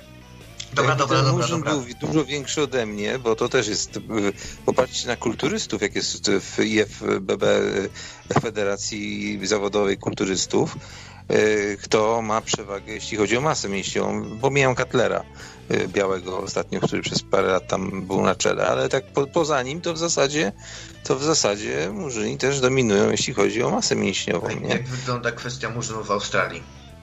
W tupie mam tak, no. Etam, pierwszy, Etam jest pierwszym murzynem Szczecina, możemy tak, no, tak się możemy nie? Nie, nie, nie, nie, nie. Ale... Ja kiedyś miałem interakcję z murzynem w Szczecinie, to był rok dokładnie 95 lub 6, nie jestem pewien. I on mi przy, on nam przyniósł pizzę. Ja jeszcze wtedy nie wiedziałem, nie kumałem. Kolega mi dopiero wytłumaczył. To jest pizza, siedzi... Maciek. Że to jest to murzyn. Jest Ta, a to jest... Nie, nie, nie, to nie było tak. Siedzieliśmy w pracy i piliśmy wódkę, nie? Jeszcze wtedy piłem od czasu do czasu i po prostu było wieczorem już późno. Graliśmy sobie w Sensible Soccer na Amidze. No i postanowiliśmy, że coś zjemy, bo wiecie, jak się pije wódkę, to się chce jeść, nie? No i przyszedł Murzyn, a że to była praca w piwnicy, taki, taki, taka piwniczna e, salka. To, to, to go nie zauważyłeś. Patrz, kurde, widać pizzę, ale nie widać, kto ją przyniósł, nie? Normalnie w powietrzu wisiała. No i kurde, patrzę po jakimś czasie Murzyn, nie? No i dałem mu pieniądze tak do ręki. Od, od, z wewnętrznej strony, jak mu wsypnąłem, to, to miał ten, to miał biał, białą taką, nie? No i poszedł sobie, a potem mnie kolega zaczął pieprzać, że mu nie dałem na piwku, nie? A ja w ogóle nie wiedziałem, że takie coś jest jak napiwek wtedy. Ja miałem 23 lata dopiero, nie? To, to, to, to, to chyba, chyba się usprawiedliwić da. To, to, to, to było pierwsze, ja pierwsza okazja, kiedy Etam się zetknął z czymś takim jak pizza, z czymś takim jak murzyn i z czymś takim jak napiwek. Nie, na zamówienie. Bo wcześniej znał tylko, tylko Amigę i Sensible Soccera. Mów, y, Jacku. Tak, słuchajcie, ja chcę powiedzieć jeszcze, zanim powiem o tych właśnie murzynach w Australii, to pamiętajcie, że czarne środowiska w Stanach nie miały takich problemów, jakie mają teraz. Do lat mniej więcej 60., 70. to zjawisko było o wiele bardziej, o wiele, o wiele mniej nasilone. To, co przewróciło te środowiska czarnoskórych, to była tak naprawdę prezydentura Lyndona Johnsona. To był ten prezydent, który był zaraz po Kennedy. On za czasów Kennedy'ego był wiceprezydentem i on prowadził, on nagle stwierdził, że czarnym trzeba pomóc. Podobnie jak stwierdził, że buduje, robi, tworzymy amerykańskie e, modelowe miasta. To był program, który tak naprawdę zniszczył Detroit. E, I to jest człowiek, który zaczął pomagać na siłę czarnoskórym i od tego czasu te środowiska niestety się degradują. Zasiłki płynące zaczęły się od, od tak naprawdę od, od Lyndona Johnsona wcześniej, Wcześniej nawet można było powiedzieć, że czarne środowiska były bardzo religijne, ale religijne takie, takim swoim chrześcijańskim, powiedzmy, rycie, nie katolickim, jakimś tam protestanckim i to im bardzo dobrze wychodziło. To byli ludzie, którzy chcieli pracować, którzy mieli bardzo silne związki rodzinne, rzeczywiście rządziły kobiety, to był taki matriarchat i to się, to naprawdę szło w dobrym kierunku. No i decyzje rządu amerykańskiego przestawiły to na tory, które kończą się tak, jak się kończą. A co do tych czarnych w Australii, czyli do abrygenów, no jest problem. To znaczy ten odsetek tej takiej ludności e, pierwszej, jak to się mówi, pierwszych ludzi jest o wiele mniejszy niż w Stanach e, czarnoskórych, ale problem jest dlaczego? Dlatego, że są problemy wciąż z aktywizacją tych ludzi do społeczeństwa. E, uniwersytety dla tych ludzi są za darmo, dla, bo uniwersytety w Australii są płatne. Jeżeli wystarczy udowodnić, że się ma domieszkę bodajże, z tego co pamiętam, 25% krwi aborygenów i uniwersytet już jest wtedy za darmo, jest sponsorowany przez, przez państwo ale to niestety wciąż nie działa. I mamy takie miejsca, szczególnie w zachodniej Australii czy, czy w Queenslandzie, na pustyni, które są, składają się tylko praktycznie z, z aborygenów. No i są problemy z alkoholizmem, z e, przemocą domową, z przepijaniem w pierwszy tydzień wypłat od rządu, czy powiedzmy pierwszy dzień, bo to są tygodniówki raczej. Wciąż jest oczywiście jakiś odsetek ludzi, którym się udało wejść do tego społeczeństwa australijskiego, ale to jest niestety wciąż duży problem, z którym nie bardzo jak wiadomo, jak sobie poradzić. Moja żona była w Darwin pół roku temu na konferencji. Takie miasto na północy Australii, e, najmniejsza ze stolic stanowych. No i to jest, ten, powiedziała, że ona mieszka w centrum, w samym centrum hotelu. No i niestety trochę bała się na środku dnia przechodzić pomiędzy od, od, od hotelu do miejsca konferencji, bo co chwilę ktoś ją pytał o pieniądze i to niestety w większości właśnie aborgeni, którzy, których w Darwin po prostu jest dużo. No, Australia ma jeszcze dużo do przepracowania, żeby tych ludzi e, jakoś aktywować. E, są protesty pod, e, w Canberrze, tu gdzie mieszkam, jest ambasada aborygenów. Tak naprawdę jest taki bardzo stary barak. Wygląda to trochę jak, nie wiem do czego to porównać, po prostu stary barak rozsypujący się z flagą aborygenów, który stoi tuż przed starym parlamentem Australii i tam jest wielki napis chodźcie, pokażemy wam prawdziwą historię Australii i nazywa się to e, ambasadą. Ale ja długo mógłbym o tym opowiadać. Myślę, że może kiedyś, tak jak mówiłem, zrobię audycję Australii, to szerzej o tym opowiem. A zdarza się, że wam wybijają szyby, kradną, podpalają samochody, e, plądrują sklepy? I rzucają Absolutnie. was bumerangami? Absolutnie. Tego się, to się autentycznie nigdy nie, nie, wydarzyło, no ale to jest, myślę, kwestia nie tyle czarnoskórych, co to są po prostu ludzie z Antify. To jest przecież e, taka, no słusznie Trump ich nazwał bojówką. Ja, ja, co prawda nie mam serca po lewej stronie, ale no, takie organizacje jak, jak, jak Antifa, czy Młodzież Wszechpolska, czy, czy ONR, tym bardziej to uważam za, za terrorystów po prostu. Natomiast y, nie wiem, czy widzieliście to, co wyszło, w, przynajmniej w mojej bańce informacyjnej, że, że miasto Warszawa za, za Trzaskowskiego sponsorowała e, społeczną szkołę antykapitalizmu, było, która między było, promuje, no. że własność, no. własność kradzież i własność to kradzież to jest między jedno z haseł Antify. Oni właśnie chcą anarchizmu, czyli to, żeby no. w sklepie można było sobie wejść i splądrować. Także to no. jest to jest Antifa, a nie czarny. No jak tak zrobią, to będą też mieć własność, którą ukradli i sami staną się e, celem Antify. To jest, ja się, to... Wiecie, co mnie zastanawia? Co, co jakby wejść na takie szkolenie, ten koleś mówi, że własność to tam jest coś tam, nie? I mu po prostu podpierdolić ten, ten projektor i laptopa. A nie można, bo to jest pewnie wynajęte gdzieś i, i wiesz, oni nic własnego nie, nie mają. No, a to, to trzeba ekipą wejść i powiedzieć, my jesteśmy spółdzielnią, spółdzielniliśmy teraz to. Towarzyszu! Spółdzielnia, e, spółdzielnia antyfiarska. To, to, wiesz, to raz, raz się spotkałem właśnie z takim, można powiedzieć, antyfiarzem, który, no to było jeszcze dawno w internacie w Ogólniaku, wtedy, e, wtedy mieszkałem, gdzie e, właśnie podczas, podczas długo, długo zasiedzianego e, wieczoru na moście przy komandosie właśnie rozmawialiśmy o tym i a stary kurde jaka anarchia, przecież tutaj wszyscy zaczną wszystkich rabować, wszystkich gwałcić, a on mi powiedział taką mądrą rzecz, że anarchia ma sens pod warunkiem, że wszyscy by byli pacyfistami. No kurde, no to, no to tak, no to mhm, okej. Okay. E, chyba udało się kogoś dołączyć. Przepraszam, nie mogę nikogo zrzucić, mogę jedynie dołączać. E, czy jest ktoś z nami nowy? To może, wiesz co, to może restart zróbmy, co? Bo, no, bo zrobimy już za chwilkę. Dość... Tak, no, tak, ale to, to, to ostatni, ostatni telefon przed restartem, przed resetem wielkim w Nocnym Radio. Halo, halo? A, nie, bo to był ktoś e, z przedrostkiem e, bez e, bezimienny tak zwany, no, tam live, coś tam, bla, bla, bla, no to takie osoby, do takich o, osób Skype sam nie oddzwania. Dobra, to robimy resecik w takim razie, wielki reset w tak Nocnym Radio. No, to... Tylko chcę powiedzieć, że kolega się pyta na czacie, czy to prawda, że w rejonach amerykańskich nie można sprzedawać Vegemite. Nie wiem, sprawdzę. Bo dobre A pytanie. dlaczego Vegemite jest jakoś strujący dla nich? Podobno, bo oni robią alkohol z tego, produkują. Ale oni to są droższe takie dziwne, nie? Takie słone jakoś. Produkt po piwie. W przeciwieństwie do tej ludności e, australijskiej, gdzie, bo tam się głównie w, wzdłuż wybrzeża te, te, te takie aglomeracje są. Natomiast tak. aborygeny bardziej środek chyba kontynentu, nie? Wszystko, nie, nie, nie można tak powiedzieć, wszędzie, wszędzie, ale rzeczywiście masz rację, że jeżeli spojrzysz na mapę i na te wioski, które są wewnątrz... E, to był Porfiry, nie rozłączaj nic, krawiec, bo cię zabije. Dzwoń Porfiry.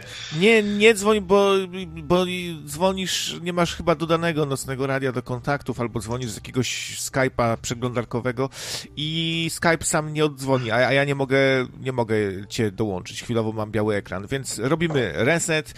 E, no, no, także dzięki za... Sami się porozłączamy, o. Cześć. Na razie. Trzymajcie. Cześć. Padł komentarz, że etam to taki nasz Tadeusz Drozda radiowy tutaj trochę. E, dobra, no to wyłączamy tutaj Skype'ika. Sorry, dziś jestem zupełnie niedysponowany. Musicie wybaczyć pewne rzeczy, pewne niedociągnięcia. Ach, ten Skype. 100 tysięcy procesów jeden program, a tyle procesów. O, udało się go w końcu skillować. To broni się rękami i nogami. Po prostu ten Skype. Trzeba trochę czasu poświęcić, żeby się go pozbyć. No i niestety, i się lubi zawieszać. E, wygląda to tak, że biały ekran się pojawia, e, co ciekawe, nie tylko u, u mnie, ale a, y, to Porfi Porfiri dzwonił, tak? Y, o, oprócz tego tajemniczego jego mościa y, dzwonił Porfiri.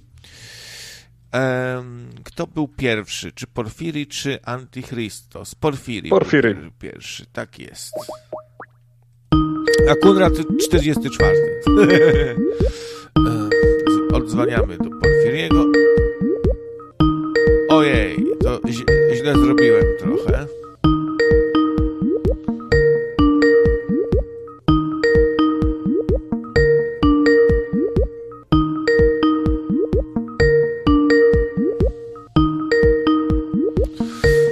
No odbierz człowieku!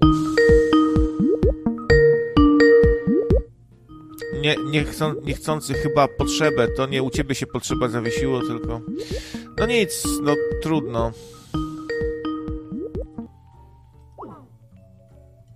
A szkoda. Pewnie coś ciekawego by miał do powiedzenia.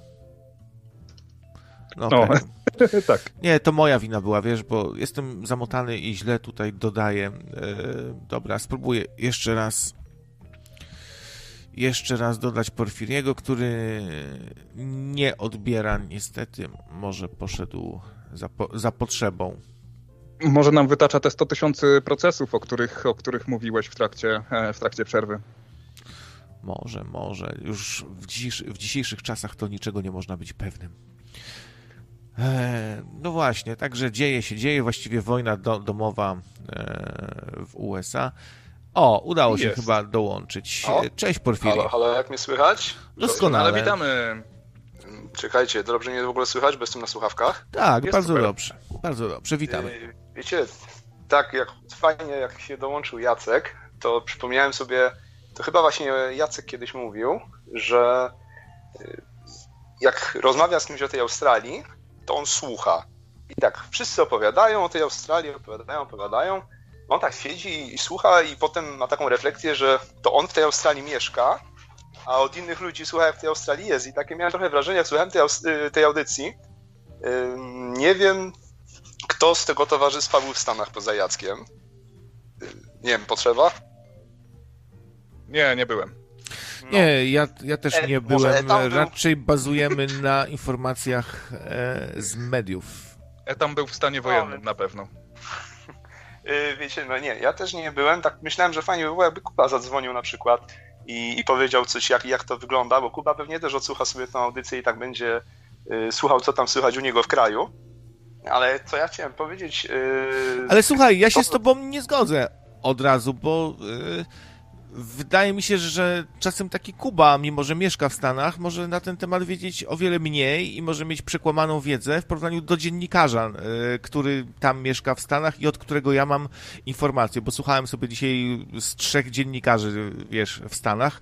To jest ich praca, ich, ich y, zawód y, dowiedzieć się jak, jak najwięcej, a Kuba się może tak bardzo nie interesować tymi rzeczami i też, wiesz, gdyby tylko chciał, to łatwo mu jest też storpedować całą ro rozmowę takim argumentem, że no ja tu mieszkam, to ja wszystko wiem lepiej. Nie mówię, że Kuba by tak zrobił.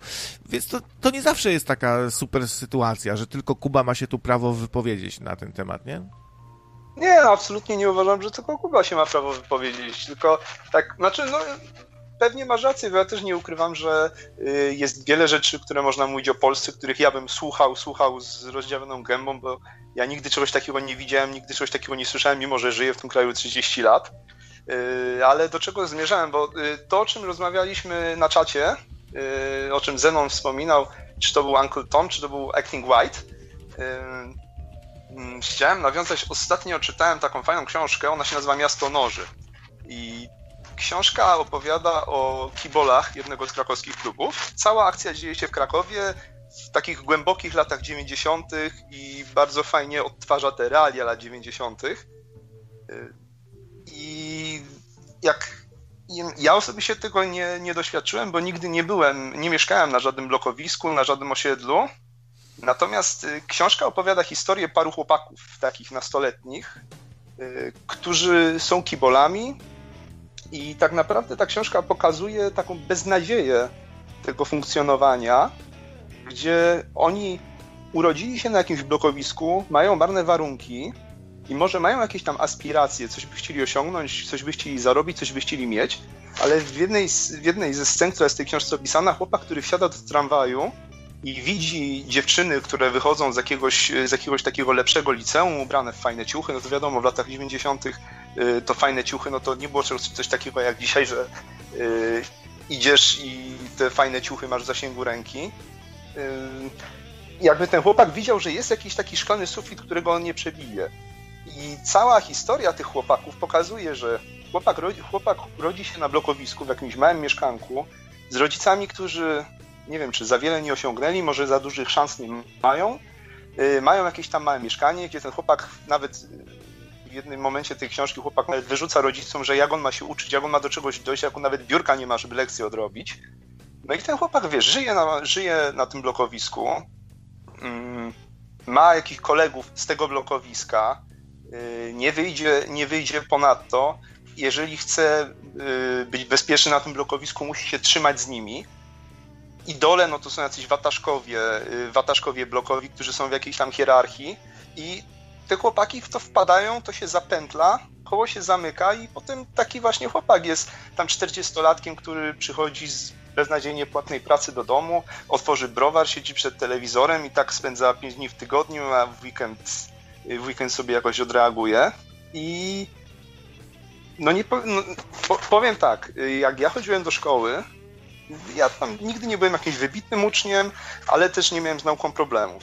No ale powiedzcie mi, czy wy nie pamiętacie takich sytuacji z podstawówki, gdzie dostało się tam jakąś lepszą ocenę z czegoś i, gdzie w podstawówce powiedzmy, że to był taki stereotyp, że chłopcy są od bisurmanienia, a dziewczyny się mają uczyć, nie? Że dziewczynki się dobrze uczą, no i jak jakiś chłopak dostanie tam jakąś szóstkę czy coś, no to od razu było kujon, kujon, kujon. Gdzieś możesz mieć taką, y, taką bardziej agresywną, powiedzmy, sytuację, gdzie jak ktoś się, ktoś się wybije, ja miałem też taką sytuację, że miałem takich y, kolegów, no nie powiem, że jakiś, z jakiejś niższej, z niższej półki czy coś takiego, bo nigdy w ten sposób nie traktowałem, ale tam powiedzmy wyniki, wyniki z nauki mieli gorsze i kiedyś gdzieś tam były egzaminy jakieś po podstawówce i tam ludzie mówią, jakie mają wyniki, ja mówię, jaki ja mam wynik, no i tak na mnie patrzą jak na jakiegoś kosmitę. Więc y, do czego zmierza ten mój cały monolog? Do tego, że y, powiedziane było, że u czarnych jest coś takiego jak acting white, y, gdzie mówi się, że jeśli jakiś czarny się zaczyna lepiej uczyć, no to on jest jakby poddawany jakiemuś ostracyzmowi ze strony swoich kolegów. No ale jak popatrzeć tak z perspektywy na to, co się dzieje u nas, to u nas chyba też jest podobna sytuacja i wydaje mi się, że to nie jest kwestia rasowa, tylko to jest bardziej kwestia nie wiem, czy jakiegoś poziomu, czy po prostu ludzie tacy są, że chcą równać w dół. To nawet nie jest kwestia rasowa, to jest bardziej kwestia naczelnych. W 67 bodajże roku e, był taki eksperyment Stevensona, który umieścił, umieścił e, drabinę i pięć małp w jednej klatce i za każdym i na szczycie, na szczycie tej drabiny zostawił jakieś przysmaki, jakieś tam banany, czy co tam, co te małpy jadły, tak? I za każdym razem, kiedy, e, za każdym razem, kiedy jakaś małpa wdrapywała się na tę drabinę, e, włączał zimny prysznic, więc ta małpa sobie zwyczajnie uciekała. No i po jakimś czasie do tego grona pięciu małp dołączono szóstą małpę i w momencie, kiedy ta szósta małpa zauważyła, że tam jest przysmak i zaczęła się wdrapywać po tej drabinie, nie została włączona zimna woda, ale pozostałe małpy ją ściągnęły i zaczęły ją bić. to była małpa Polak. więc, e, więc myślę, że problem jest tu, trochę tutaj dużo szerszy niż nasze, nie wiem, polskie, czy, czy, czy, czy amerykańskie, czy czarnoskóre, czy białoskóre standardy.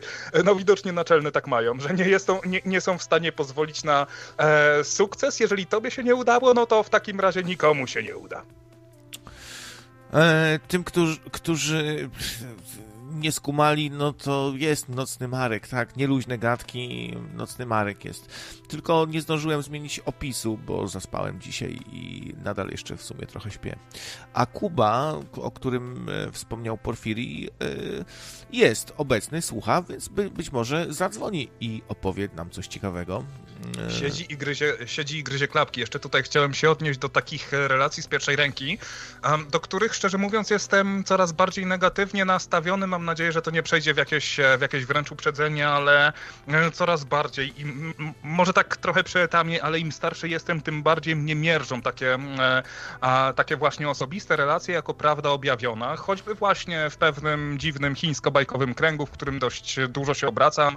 E, przy okazji jeszcze zanim, zanim COVID-19 do Polski, do Europy e, dotarł, to była właśnie dyskusja, w której często się pojawiała jakaś vlogerka Polkas, która mieszkała w Chinach i która opowiadała, jak tam wygląda, no i też, że tam nic się nie dzieje i tak dalej, że wszystko jest w porządku, no to był pewien wycinek rzeczywistości, pewna, pewno przedstawienie pewnej bańki informacyjnej, w której żyjesz ty, tak? I tak, I samo, tak samo jest... szczerze mówiąc, jeżeli bardzo chętnie bym porozmawiał z, zresztą jeżeli mam okazję, to bardzo chętnie rozmawiam z obcokrajowcami, którzy przykładowo odwiedzają co jakiś czas Polskę, czy to zawodowo, czy to turystycznie, w jaki sposób nas postrzegają, bo mogę się z tego bardzo wiele nauczyć. Nawet jeżeli są, nawet jeżeli jakieś stereotypy się tutaj pojawią, to to jest pewna bardzo, bardzo ważna informacja dla mnie, że być może tutaj e, coś pomijam, być może to nie dotyczy tego mojego kręgu, tylko, tylko właśnie jest e, skierowane wobec osoby, czy to o innej karnacji, czy to o innym akcencie nawet, więc trzymałbym dystans nawet do swoich opowieści o Polsce, nie traktuję tego jako prawdę objawioną, no i e, byłbym niesamowicie daleki, żeby używać jako argumentu tego, że ja mieszkam tutaj w Polsce, nawet, że mieszkam tutaj u siebie w Łodzi i ja, ja to miasto znam na wylot i każdy, kto mówi, że jest inaczej, no to, e, no to się myli. Być może się myli. Nie, wy, nie wykluczam tego, być może kłamie, e, ale być może ja czegoś nie wiem. Trzeba o tym pamiętać. Okej. Okay. Czy chciałbyś jeszcze, Porfiri, coś skomentować, coś dorzucić do pieca? Nie, tyle ode mnie. Dzięki chłopaki i pier pierwszy mój telefon, myślę, że będę dzwonił dalej. To pierwszy? Doskonałe. Dopiero pierwszy, tak. O, Dotychczas znasz jakoś... mnie tylko z uszczypliwych komentarzy. Aha, no popatrz pan.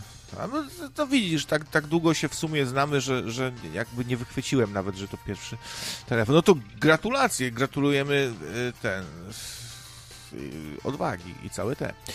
No, Dzwoń, dzwoń, cześć. Rozłączam się, do usłyszenia. No cześć, cześć. Dzięki wielkie, trzymaj się, dzięki za, e, dzięki za twój komentarz. Ale no, faktycznie, nawet w takim, w takim naszym codziennym życiu tworzymy jakieś takie małe, małe środowiska, małe społeczności, w których pewne rzeczy są zwyczajnie nieakceptowane. Czy to będzie, nie wiem, to jakiej muzyki w podstawówce nawet słuchasz. No, jeżeli wyrosłeś wśród, wśród panków i nagle zaczniesz słuchać e, reggae, no to oj stary, nie, to jest, to, to jest dla innego osiedla, to jest dla innej wioski, to tutaj tego nie wolno, bo, bo, bo tutaj wiesz, my zaraz, my tutaj zaraz cię nauczymy, my tutaj zaraz cię podregulujemy. Skąd jest taka taka, taka jakaś pasja do, w ludziach do wykluczania inności. To takiej inności, która absolutnie żadnej krzywdy nikomu nie robi.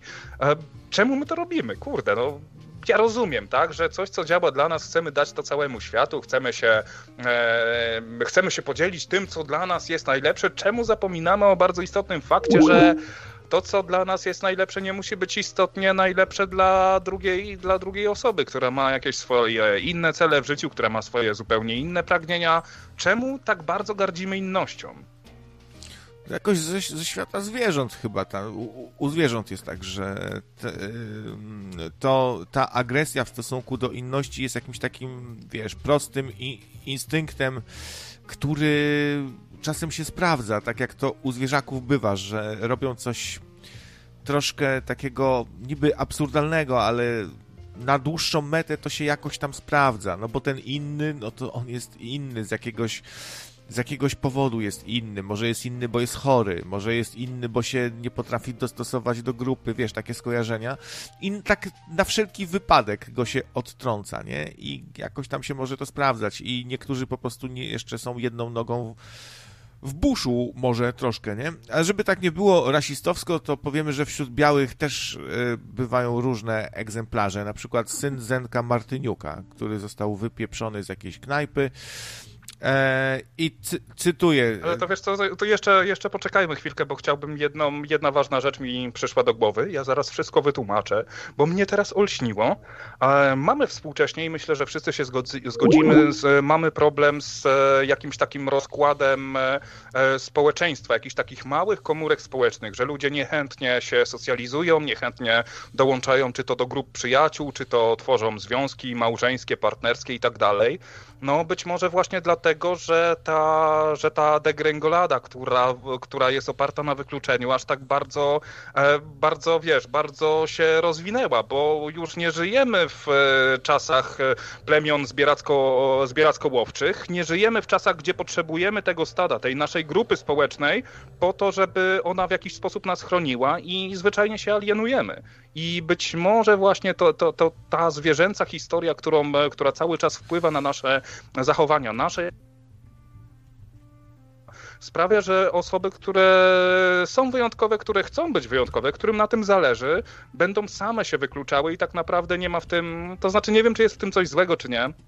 Oczywiście mówię po sobie, ale myślę, że Krawiec, ty też spokojnie mógłbyś mi e, w tym punkcie piątkę, e, piątkę przebić, że nam jest lepiej samym ze sobą, niż żeby się tam socjalizować z jakimiś kolegami i tutaj tak naprawdę za dużo nie tracimy, bo dużo więcej do stracenia mamy w momencie, jeżeli spróbujemy się e, socjalizować i zwyczajnie wyrzec się, się samych siebie. Jak widzę, że, że ktoś jest inny tutaj w nocnym radio, to zaraz go banuję, wywalam. Nie, nie, się, się boję, że jest inny. zaraz dołączymy Kunrada. E, o Boże! A potem Kurta odbierzemy. No to dobra, to spróbujmy tego Konrada. Może, może już jest. Dobra. On nam zaraz wszystko e, wyjaśni. Tutaj jeszcze Marcin na czacie YouTube'owym zaznacza, radio nie jest jedną wielką próbą socjalizacji XXI wieku. Wiesz co, nie. Radio to tylko zabawa, to przejażdżka w parku rozrywki. Just a ride. Dobra, e, chyba się udało. Cześć Konrad. E, prosimy o zwięzłe wypowiedzi, bo już kolejeczka jest, więc może nie, jakieś takie e, elaboraty, tylko jakieś zwięzłe wypowiedzi. A ja jeszcze się w międzyczasie przypomnę, że tutaj jest taki link do donate'ów na dole i niedługo byśmy kończyli, chyba że chcecie jakoś to na, na to wpłynąć. No, ja witam, dobry wieczór, audycja, dobry wieczór, Mocne Radio. Ja na krótko chciałem tylko wywrócić do góry nogami tą całą debatę dotychczas, którą prowadziliście. E, więc e, chciałem zacząć od tego, że wszyscy jesteście rasistami i, i nie tylko wy, ale zauważyłem po którymś dniu e, tej, tych protestów, tych zamieszek, że przede wszystkim ja dla uproszczenia będę mówić nie swoją mową, czyli będę rozdzielać ludzi na czarnych i, i, i białych, czy, czy, czy tam. To jest nieprawdziwy podział, ale nieważne, nie będziemy o tym mówić teraz. Więc zauważyłem, że przede wszystkim rasistami są czarni. Y, słychać mnie? Tak. Więc e, otóż e, na pewno będziecie mieli okazję łatwo odnaleźć ten film na YouTube po angielsku, jak doszło do tego zatrzymania, tam chodzili między samochodami, sklepem i tak dalej, to ja obejrzałem nie jakoś e, szczegółowo, wpatrując się, ale e, po pierwsze zauważyłem, że tam w tej, w tej grupie tych policjantów nie byli tylko biali, którzy zatrzymali czarnych, tylko czarni byli w samochodzie, który został tam aresztowany, ale wśród policjantów był. Azjata, jeden z nich był, e, nie chcę powiedzieć czarny, chociaż w, tej mowie on też podpada pod czarnego, no był mieszanej rasy z domieszką genów afrykańskich na 100%, czyli był w tej w, w grupie tych, którzy prawdopodobnie którzy siedzieli na tym zamordowanym George'u Floydzie, to jeden z nich był mieszanej rasy afrykańskiej, co najmniej. W każdym razie o co chodzi? od razu na to wideo wszyscy reagują. Biały policjant klęczy kolanem na czarnym, tam na szyi czarnego tam kogoś.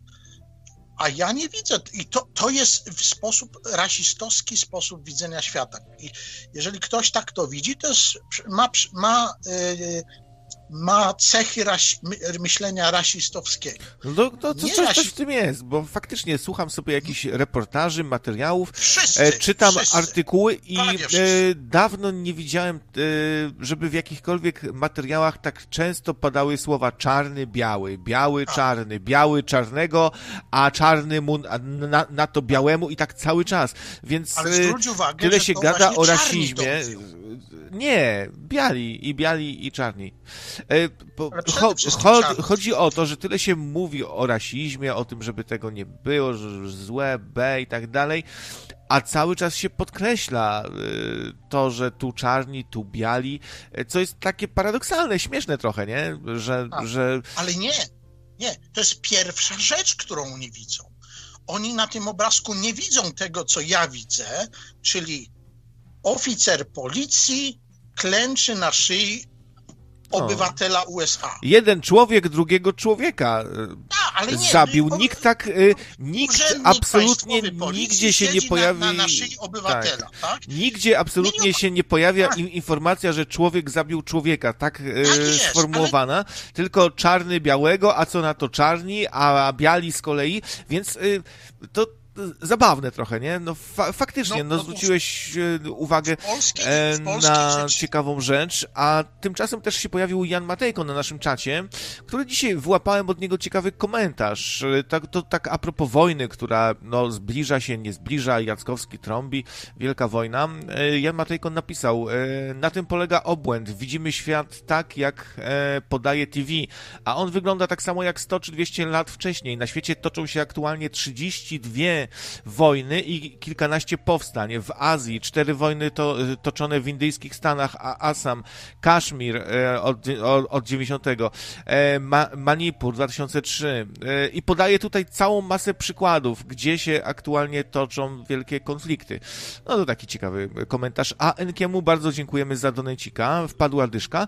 Dzięki ziom, ale coś Enkin napisał za retransmisję. To ciekawe, czy retransmituje nasz sprawdziłem i nie ma żadnej retransmisji. E, więc może nie wiem o co, o co chodzi, ale, ale, ale, ale spasiba, spasiba. E, no, e, no, także no. Wracając do tego wątku, chciałem to uzasadnić, że mm, w polskiej historii za naszych czasów, czyli, czyli tego starszego pokolenia, pamiętającego czasy stanu wojennego i, i tak dekady lat 80., Wcześniej też było, ale byliśmy za młodzi wtedy. Na przykład y, zamordowano Stanisława Pyjasa w Krakowie. Później zamordowano y, księdza Jerzego Popiełuszkę. Potem była sprawa, czy nie wiem, czy potem, w każdym razie w owym czasie y, zamordowano młodzieńca Grzegorza Przemyka, tak, maturzystę. Ja nie pamiętam, było wielkie oburzenie. Te, to były filmy kręcono chyba na ten temat. Mm, było wielkie poruszenie, e, władza na tym jakby ucierpiała wizerunkowo i różnie, ale nikt nie mówił, że biała policja zamordowała białego Grzegorza Przemyka. E, biały, biali policjanci, agenci SB zamordowali białego księdza Jerzego Popiełuszkę. Co to kogo obchodzi? No, co najwyżej się mówiło, że czerwoni złamała... zabili czarnego. Proszę? Co najwyżej można było powiedzieć, że czerwoni zabili czarnego. Tak, ale to miało popiełuszki. podtekst ideologiczny, symboliczny, a nie jakoś ra rasowy, tak? Na pierwszy rzut oka nikt nie widział rasy tych, tych ludzi, tego księdza Popiełuszki, tego Grzegorza Przemyka, czy, czy żołnierzy wyklętych, tak? Y, w każdym razie tutaj pierwszą rzeczą, i teraz ja zadaję pytanie, śledzę to, a gdyby ten policjant siedział na szyi i zaskutkowało to śmiercią białego obywatela, tak? handlarza narkotyków. Przecież też, też nie tylko, yy, yy, nie wiem, czarnoskórzy w Ameryce y, zajmują się jakimiś nielegalnymi handlami czy coś, y, zbywaniem y, pieniędzy czy, czy działek różnych to co, wtedy byłyby marsze? No nie, no nie ma wzajemności i to jest ten problem. Kogo by to nie obchodziło? Nie ma, nie ma. Nie ma wzajemności absolutnie i to jest jeden właśnie z tych problemów też, które, o których warto Więc... poruszać, a o których usłyszymy w zasadzie tylko w mediach niezależnych. Żadne media a, tak. E, głównego nurtu się nie odważą w ogóle o czymś takim wspomnieć, bo to jest bardzo niepoprawne e, politycznie takie sprawy poruszać.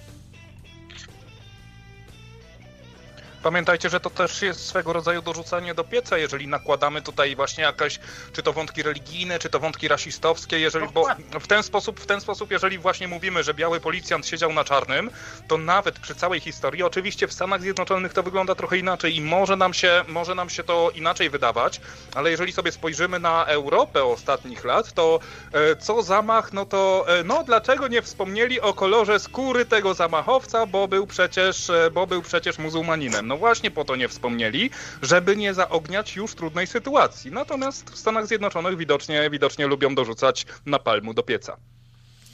No ale, ale, ale to, zadajmy sobie pytanie, czy faktycznie nie powinno się, bo, bo może to jest właśnie zdrowe wspominać, że to, że to muzułmanin z powodów religijnych zabił znowu i znowu i znowu, bo yy, kiedy o tym wspominamy, tworzy się pew po pewnym czasie jakiś obraz sytuacji, że jest nadinterpretacja tych właśnie jego mościów, którzy Ale takich czynów się ja dopuszczają dos... i widzimy, że z, czym jest, z czymś jest problem, a nie wspominanie w ogóle o, o tym, z jakiej kultury się wywodził zamachowiec, jakiej był rasy, jest troszkę, wydaje mi się, rozmydlaniem tematu i, i pudrowaniem i przykrywaniem w pewnym sensie.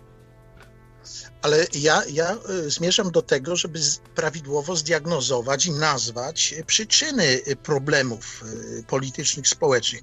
Tutaj odwołam się do doświadczeń, być, być może potrzeby, który ma chyba programistyczne jakieś tam doświadczenia, że jest napisany kawałek programu i wywala się i, i, i kasuje jakieś pliki na, na, ważne na komputerze, a programista mówi tak, aha, to ja wiem, dlaczego to, to oprogramowanie y, źle działa, bo ma zły kolor, bo ma na przykład, bo te guziczki są tam czerwone, a, a, a, a muszę jak zmienię na czarne te guziczki albo na, na różowe czy, czy żółte, to, to to oprogramowanie będzie działać, bo na pewno to jest wina koloru.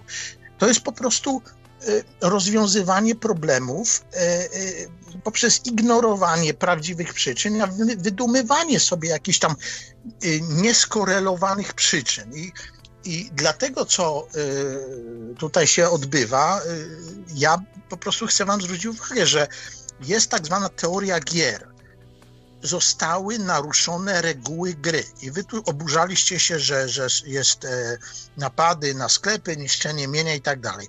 Bo zostały, e, to jest, jest e, ludność USA, społeczeństwo weszło w tryb anarchii.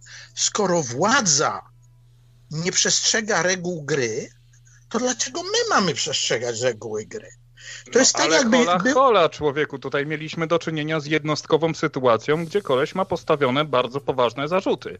I w tej no. chwili na podstawie, jed... na podstawie tego, że jeden z policjantów faktycznie wtopił i tak jak mówiłem wcześniej, miał wcześniej nagany, wobec czego to powinno zostać w jakiś sposób bardziej systemowo rozwiązane, cały potężny kraj nagle staje w ogniu tylko i wyłącznie dlatego, że dochodzi do odpowiedzialności zbiorowej. Tak, równie dobrze możemy to porównać do odpowiedzialności zbiorowej, którą mieliśmy na terenie Polski przez e, parę ładnych lat XX wieku, prawda?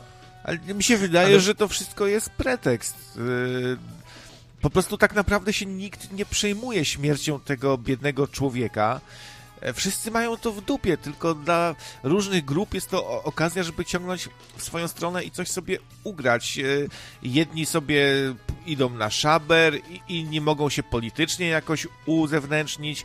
Jacyś działacze typu Antifa widzą w tym e, szansę, żeby rozwalić system i każdy coś w tym widzi dla siebie, tylko nie śmierć tego człowieka. Ale tu chciałem chciałem podnieść kolejny wątek, mianowicie spróbujcie, bo bardzo, y, wiesz, wej, przejdę do tego tematu, który chciałem sam odsunąć jako błędy, że faktycznie spójrzmy na to, że biały policjant zadusił czarnego obywatela, tak, czy czarnego człowieka. Dobrze, ale spróbujcie się, i wy przeszliście do potępiania, że to są lenie, nieroby, głupcy, niedouczeni bandyci i tak dalej. Nie, no bez przesady. Ale to jest obwinianie tak. ofiary. Y, przyczyną tego, y, tych zamieszek jest to, że sprawca się zachował niewłaściwie, a nie ofiara. Ofiara się poddała, dał się skuć, na tym wideo to wszystko widać, nie biegał, nie skakał.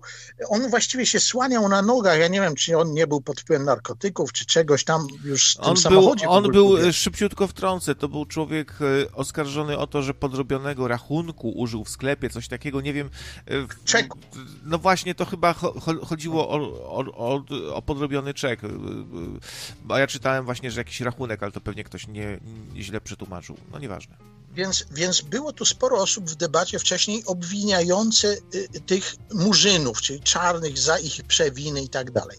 Ale spróbujcie zrobić taki eksperyment umysłowy. Wczujcie się, że jesteście w Ameryce teraz, w ostatniej dekadzie i że nie jesteście z pochodzenia Polakiem, tylko że jesteście z pochodzenia Murzynem, tak? Jak byście się wy wtedy czuli? Że po prostu boisz się wyjść z domu albo boisz się wysłać dziecko z domu do sklepu, bo słyszysz, że są przypadki, że jak ktoś widzi młodego murzyna gdzieś na ulicy, i wczoraj to robiłem. Y, y, rzuciłem ten temat y, na YouTube'a i mi się sam YouTube po, podpowiedział mnóstwo wideo. A tu Murzynowi jakaś tam biała kobieta zabroniła wejść do basenu. Tam mu zamknęła drzwi do jego własnego bloku, bo był Murzyn.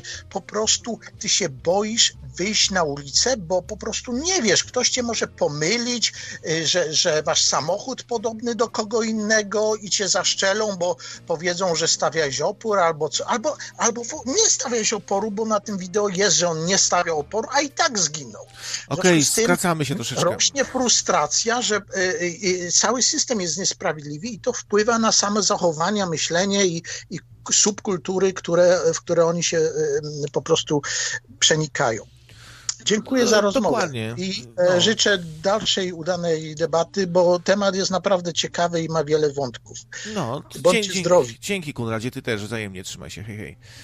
No ja, ja myślę, że pewne stereotypy nigdy nie biorą się tak całkiem znikąd, to raz. E, dwa, pewne nacje, grupy społeczne mogą sobie zapracować na jakąś opinię. No, czy byśmy, czy gdyby na przykład w tej chwili e, w Polsce zaistniał bardzo duży problem z kibolami i kibole by jakimiś watachami chodzili, rozwalali, to czy byśmy, kto, kto komukolwiek przyszłoby do głowy, żeby yy, się zaperzać tutaj i mówić, nie mów o kibicach, to, że to są yy, po prostu łobuzy i, i, i nie mówmy, że to kibole, że to kibice sportowi, bo w tym przypadku przypadku ich sportowość i kibicowatość nie ma nic wspólnego z tym, co robią. To są zwykli po prostu bandyci.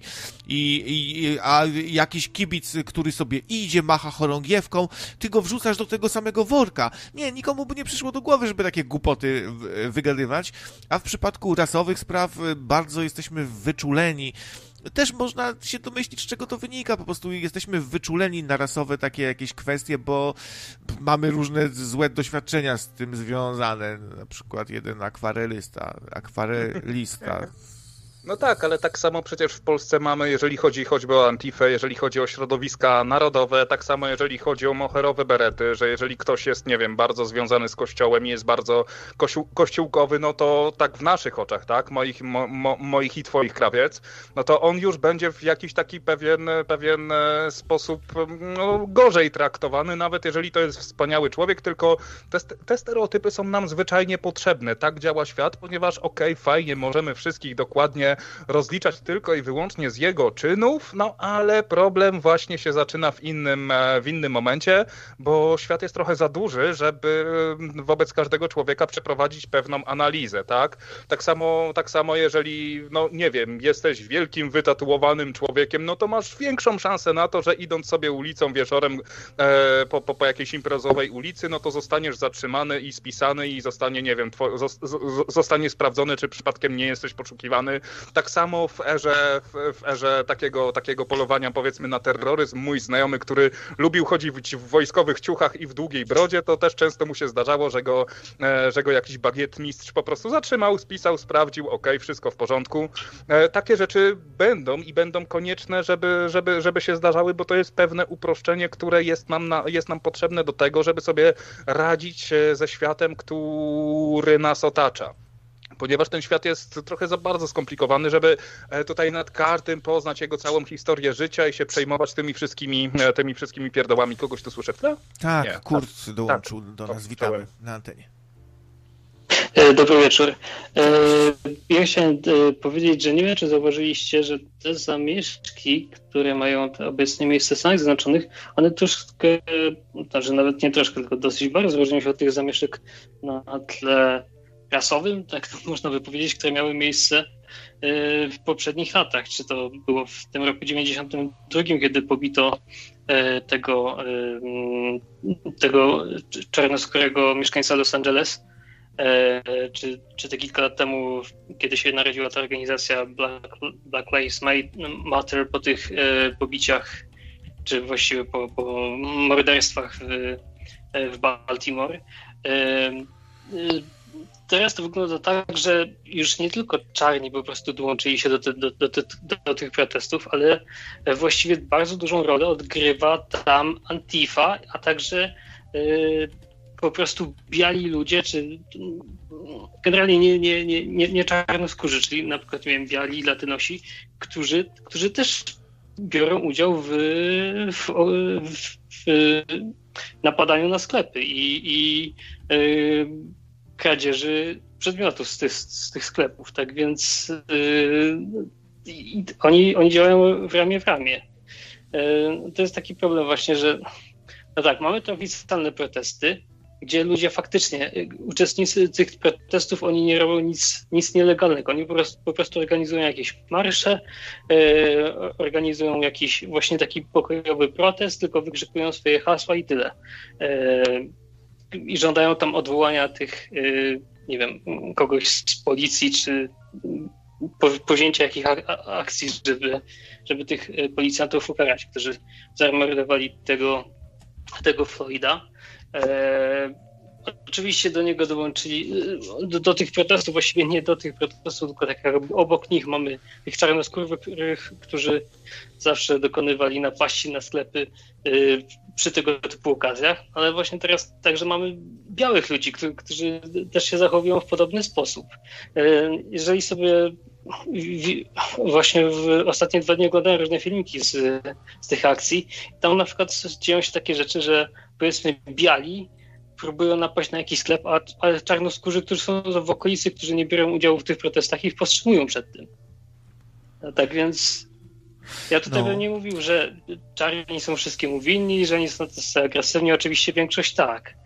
E, no, ale, no to skoro większość, skoro twierdzisz, że większość tak, no to można tak e, się posłużyć takim lekkim uogólnieniem dla lepszego opisania sytuacji i skłonić się ku takiemu stwierdzeniu, że coś, że coś tu czarni się zachowują niefajnie. No na przykład no, i, i, i ja, ja bym się... Ja bym się niefajnie, ale biali też się zachowują niefajnie. No to biali też i wspomnijmy też, że biali też i wiesz, ja bym się po prostu tak bardzo nie bał y, wydawać jakichś tam osądów, bo słowa jeszcze nikomu kości nie płamały. I, i, i to, że ktoś się nawet źle poczuje, okej, okay, a niech się jakiś czarny, który jest fajny, porządny, pracowity, niech się troszkę źle poczuje, on nie umrze od tego, a odczuje pewną taką karmę społeczną.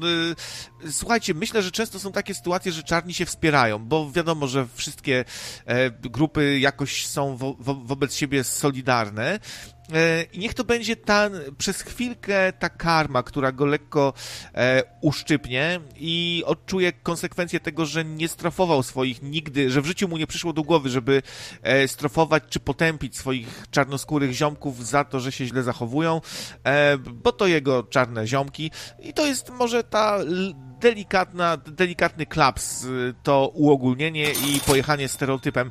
E, czekajcie chwilkę, jakiś do... O, o, pięć Kasia, dyszek. zostańcie dłużej 50 złotych. Kasia, pięć dych, zostańcie dłużej. No to zostajemy dłużej.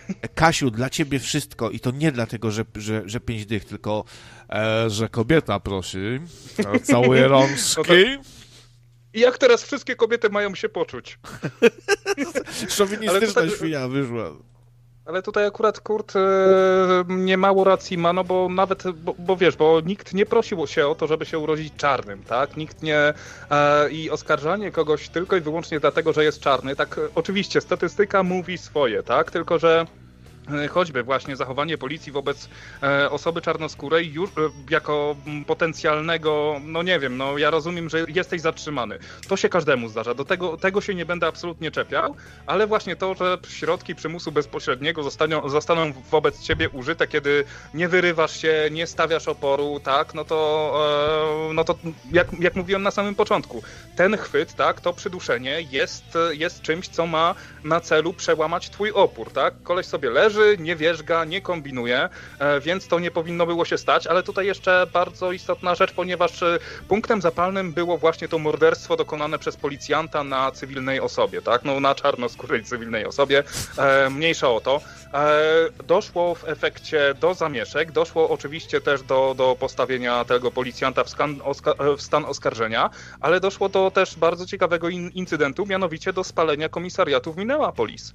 I to jest takie, wiesz, to jest, w tym tym, w, tym, w tym punkcie, o ile bym był w tych zamieszkach, zakładając, żebym się do nich dołączył, to jest taki warunek wyjścia. Ok, pokazaliśmy wam, nie podskakujcie syny i tyle. I niech to się nie rozlewa, bo to nie jest, nie jest nikomu do szczęścia potrzebne. No i finalnie, właśnie jak w każdych bardziej radykalnych ruchach, znajdą się osoby, które będą chciały sobie ugrać czy to trochę politycznego kapitału, czy to właśnie ukraść sobie PlayStation i telewizor 80-calowy. E, zjawią się jacyś ludzie, którzy będą chcieli wykorzystać to bez żadnej ideologii, bez żadnego pomysłu i to mamy zarówno na marszach niepodległości, to mamy na marszach równości, to mamy w zasadzie na i właśnie takiej bardziej, bardziej emocjonalnej Na marszach sprawie. niepodległości jest właśnie okazuje się dosyć spokojnie, a jak porównać to jeszcze z takim USA teraz, no to, to ci nasi narodowcy to jest pełna kulturka i nie wiem, no wiesz, faktycznie coś takiego jest, że wśród tej antify jest chyba więcej osób agresywnych, jak się okazuje. Te wszystkie materiały, gdzie Jaok był y, tam szarpany, y, goniony gdzieś tam przez tych an antifowców, a na Marszach Niepodległości nic mu się nie stało. Gadał sobie normalnie z tymi krótko ogolonymi i schludnie ubranymi w ciemne kolory jegomościami. A to znowu jakiś fragment ja rzeczywistości. To... Teraz ja, Jaok się próbuje dostać do, do radiowej trójki, więc to, to jest troll, który naprawdę swoją legitymację trollerską nie dostanie podbicia w październiku, nie? No, trochę mi tak. Się wydaje, że, mi się wydaje, że to, to że ja tam nie, nie, nie dostał pomocy od narodowców, to tylko dlatego, że po pierwsze z filmików Pyty były takie, w których właściwie e, on, on ośmieszał lewicę i ośmieszał właśnie Antifę. I myślę, że stąd się bierze taka powiedzmy sympatia, czy tam brak nie, nienawiści środowisk narodowych, czy narodowościowych do Jałka i do Pyty. E, natomiast wracając jeszcze do tych, do tych spraw w Stanach, no właśnie jest, jest, jest, tam, e, jest ta e, Antifa, jest pełno białych dzieciaków, które, które też się angażują w, te, w to lutowanie sklepów. E, coś, co, co nigdy nie miało miejsca. I co pytanie brzmi, czy to czy, czy nie wiem, czy to Antifa i jej sympatycy postanowili nagle gremialnie działać i się włączyć e, w, w tego typu akcje, to być może jest też spowodowane tym, że no, generalnie obecnie sytuacja w Stanach Zjednoczonych jest ciężka, bo tam chyba 40 milionów bezrobotnych w Stanach w tym, w tym momencie jest e, e, dzięki tej pandemii koronawirusa. Pewnie wszystko no, się tak na to składa po trochu, bo tak często zadajemy sobie to pytanie, czy opcja A, czy opcja B, a najczęściej jest tak, że wszystko po trochu się na to składa i kryzys, i dodałbym jeszcze może, że deprawacja pewna. No słuchajcie, jak, jak widzimy, że wszyscy do, dookoła kradną, to większe jest prawdopodobieństwo, że przyłączymy się chyba też, nie? E, że się ośmielimy nagle, że weźmiemy przykład z tych, którzy nam dają właśnie ten zły, zły przykład. Tak mi się wydaje. Ja, ja nie wiem, czy ja, czy ja dobrze mówię. E, tak tutaj do Kuby trochę. No tak, no mówisz dobrze, tak? No tutaj możemy sobie mówić, e, no czy to będzie Antifa, czy też właśnie patrząc bardziej na nasze poletko narodowcy, jest mnóstwo narodowców, którzy są spoko, część jest zadymiaczami, jest jakaś, e, no Antifa no to jest taka trochę bojówka terrorystyczna, ale też są tam ludzie spoko, tak? Którym nie przyjdzie do głowy, żeby wziąć kostkę brukową i kogoś w nią, e, kogoś w nią rzucić. To jest, mi się wydaje, że współcześnie jest to swego rodzaju chłopiec do bicia, łatwa odpowiedź na trudne pytanie, gdzie no właśnie, no z jednej strony mamy osoby, które straciły pracę, straciły środki do życia, które zostały wywłaszczone ze swoich mieszkań, które miały kiedyś tam zakupione na kredyt i nie mogą spłacać, więc e, bardzo szybko do widzenia, do widzenia państwu. Są to osoby, które nie mają dostępu do opieki zdrowotnej, właśnie też dlatego, że straciły, że straciły pracę. No w momencie, kiedy człowiek ma, stracił już wszystko i nie ma zbyt wiele do stracenia, no to jest łatwiej właśnie o, e, jest właśnie łatwiej o to, żeby e, dokonywał pewnych aktów terroru, tylko że w takiej sytuacji wchodzisz do sklepu i wynosisz mleko i chleb, a nie telewizor. Dokładnie. A zauważcie też ciekawe zjawisko, że e, bardziej lub mniej garniemy się do tego uogólniania i jechania stereotypem, w zależności od tego, czy daną grupę darzymy większą czy mniejszą sympatią. Jak mówimy o pedofilii w kościele, to ja jako antyklerykał bardzo często tutaj mówię, że księża, prawda, to pedofile i tak dalej. E, no a ktoś, komu Kościół jest bliski, kto czuje się katolikiem, zaraz się oburzy i, i będzie mówił, proszę nie wrzucać wszystkich księży do jednego worka. To są jednostki, a co ma czuć ten wspaniały kapłan i tak dalej. No i tak często, bardzo często to widzę, że jak jakaś grupa jest nam miła, to, to, to będziemy e, bronić się przed tutaj u, uogólnianiem. A no, ja rasistą nie jestem, czarni mnie ani ziębią, ani grzeją, więc Ale... w, tym, w tym przypadku nie będę. Ale ktoś powinien coś z tym z nimi zrobić. Nie wiem, czy, nie wiem, czy znacie takiego reżysera, który nazywa się Spike Lee. Nie, nie znam. Nie, nie kojarzę. Nie znacie? Nie kojarzycie? Jest to z, dosyć znany mm, reżyser e, amerykański, czarnoskóry notabene. Chyba w zeszłym roku otrzymał e, Oscara za scenariusz do swojego filmu Black Clansman to pewnie musieliście. Być może wam się kiedyś biło uszy. Obiło się uszy, tak. Yy, tak. Yy, Spike Lee kręci właśnie filmy, w większości poruszające taką tematykę, yy, tematykę powiedzmy filmy, filmy dla czarnoskórych, tak, tak to powiedzmy. I on miał taki jeden świetny film z końca lat 80., który nazywa się, nazywał się do the right thing, czyli rób to, co należy. I on tam świetnie pokazuje między innymi, jak działają te społeczności afro, afroamerykańskie, zwłaszcza te, które mieszkają w gettach. E, tam główny bohater, który jest notabene grany przez, przez samego reżysera, przez samego Spike'a Lee, e, on jest takim właśnie gościem, który pracuje e, dla, dla właściciela pizzerii, który jest białym E, jest to jedyny biały, który ma pizzerię, pizzerię na Harlemie. E, no, on tam pracuje u niego, ale tak się troszkę obija. E, I w każdy, chodzi o to, że kulminacyjny punkt filmu chodzi o to, że ten restaurator wygania wieczorem ze swojej restauracji czarnoskórego, który wszedł i puszczał głośną muzykę. I w tym momencie wszyscy, nawet ten bohater, który grał u niego i właściwie no, był u niego zatrudniony, tak więc, tak więc no, miał, miał na chleb, a, a nie miał zbyt wielu perspektyw, no bo nie ukończył żadnej szkoły, więc to było dla niego jedyne źródło utrzymania. On yy, dochodzi do zamieszek i oni tam w końcu podpalają tą pizzerię. I, i, I to jest właśnie, on w tym filmie pokazuje coś takiego, że, że oni po prostu, jeżeli się ich wkurzysz, że jest jakieś wydarzenie, które po prostu przerywa, przerywa czary goryczy i oni wtedy działają zupełnie nie, um, nielogicznie. E, działają jak tłum. E, jak bezsensowny tłum, agresywny, który, który chce wszystko niszczyć. No i ten bohater na końcu. No. Tak? No, no i ten bohater po prostu na, na, na końcu jest taka scena, jak on po prostu smutny odchodzi od tego, e, od, od, od tego swojego pracodawcy Włocha i on wie, że że, że zrobił źle, ale mimo to przy, przy, nim pokazuje, pokazuje swoją taką arogancję. E, no i to jest taki świetny film, który no, po prostu pokazuje właśnie, jak działają te, te, te społeczności w gettach i, i, jak się, i wyjaśnia, dlaczego, dlaczego niektórzy Afroamerykanie zachowują się tak, jak się zachowują. No tak, tylko że jak tutaj, jak tutaj słucham, nie wiem czy sobie obejrzę, nie wiem czy to było, czy to było wystarczające zainteresowanie, bo też zdaję sobie sprawę z tego, że bez e, pewnej takiej kulturowej naleciałości e, mam wrażenie, że mogę to opacznie zrozumieć. E, no nie wiem, może, mo, może dam szansę, a tak sobie myślę, kurde, dlaczego miałbym szanować grupę, dlaczego miałbym starać się dla społeczeństwa, żeby nawiązać z nim współpracę, jeżeli wiem, że jeżeli mi się łapa powinie, a łapy się powinno, potrafią powinąć z różnych powodów, czy to właśnie moje celowe działania, ale też często jakiś taki przypadek, nie wiem, ochota bardziej zabezpieczenia swoich własnych dóbr niż, niż cudzych, więc e, no nie wiem, tak jakbym przyszedł do nocnego radia ze świadomością, że jeżeli coś tutaj spierdolę, gdzieś tutaj będę za bardzo burczał, to krawiec przyjedzie i mi spali mieszkanie. No to tak, jeżeli to jest by default sposób rozwiązania umowy, sposób rozwiązania współpracy, no to ja tak z, z całym szacunkiem pierdolę taka, taki konglomerat, no.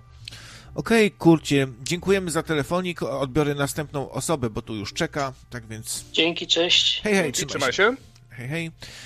No i spróbujemy dołączyć e, słuchacza o tajemniczym niku Roman. Czy to piękny roman, czy roman edukator? Piękny roman Postrach Dziewic, mo może. A nie, to, to jest e, roman, roman Jan. Ro, ro, Romanian, czyli ru, ru, Rumunian. Nie wiem, no w każdym razie witamy Romana na antenie. Hej, hej. Możecie, możecie zupełnie spokojnie mówić hołd pruski. Hołd. Grunwaldem, bo generalnie rzecz biorąc y, chyba najbardziej znane, tak? Ale nie będziesz śpiewał Bogu Rodzicy? Nie, nie, nie, nie. Z tym, się raczej, z tym się raczej nie będę wygłupiał, bo po pierwsze nie mam głosu, e, a po, a po drugie e, ta pieśń ma charakter religijny, w związku z powyższym akurat nie mnie, e, nie mnie ją śpiewać, że tak powiem. Mogę już coś dopowiedzieć, bo jest coś, na co chyba w ogóle nie zwracamy uwagi do tej pory przy tej całej, przy, przy tej całej sytuacji, która ma aktualnie w Stanach Zjednoczonych miejsce. Mogę parę o... zdań powiedzieć na ten temat? Oczywiście, mów, mówże, mówże, śmiało.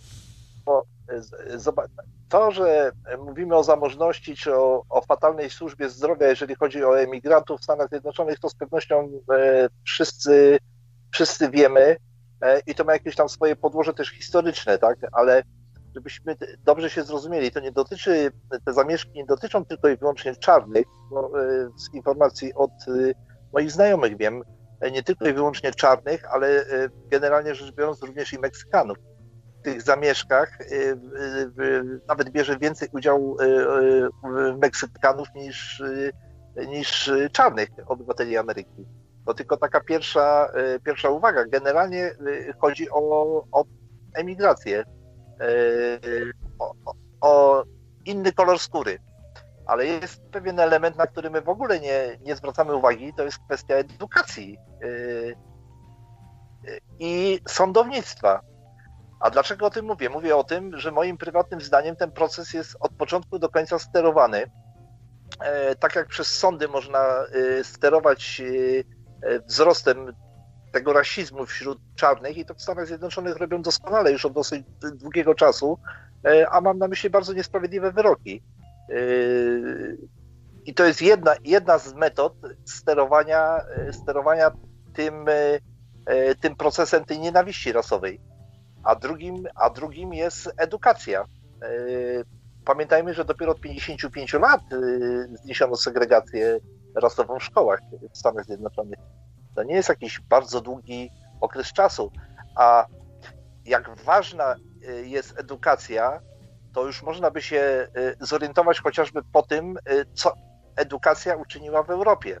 Bo zobaczcie, od początku XIX wieku, kiedy e, zaczęła się reforma szkolnictwa w Europie, a tak naprawdę w połowie XIX wieku, e, kiedy e, Kościół został jakby wyręczony i znacjonalizowane zostały przede wszystkim szkoły, pierwsze chyba w Prusach szkoły zostały podporządkowane administracji rządowej to od tego czasu w Europie mieliśmy do czynienia z y, rewolucją bez mała, jeżeli chodzi o wykorzystanie szkolnictwa do celów y, narodowościowych. Dzięki temu przecież powstały Włochy, dzięki temu za Bismarcka e, prowadzono przecież y, Volksschule, Volksschule, przepraszam, Volksschule, czyli szkoły ludowe. I to był ten czynnik, który pomógł w zjednoczeniu tych dwóch krajów przecież. I dokładnie taka sama sytuacja jest w Stanach Zjednoczonych. Y, szkolnictwo zamiast niwelować te, y, te różnice y, rasowe, tak naprawdę je pogłębia.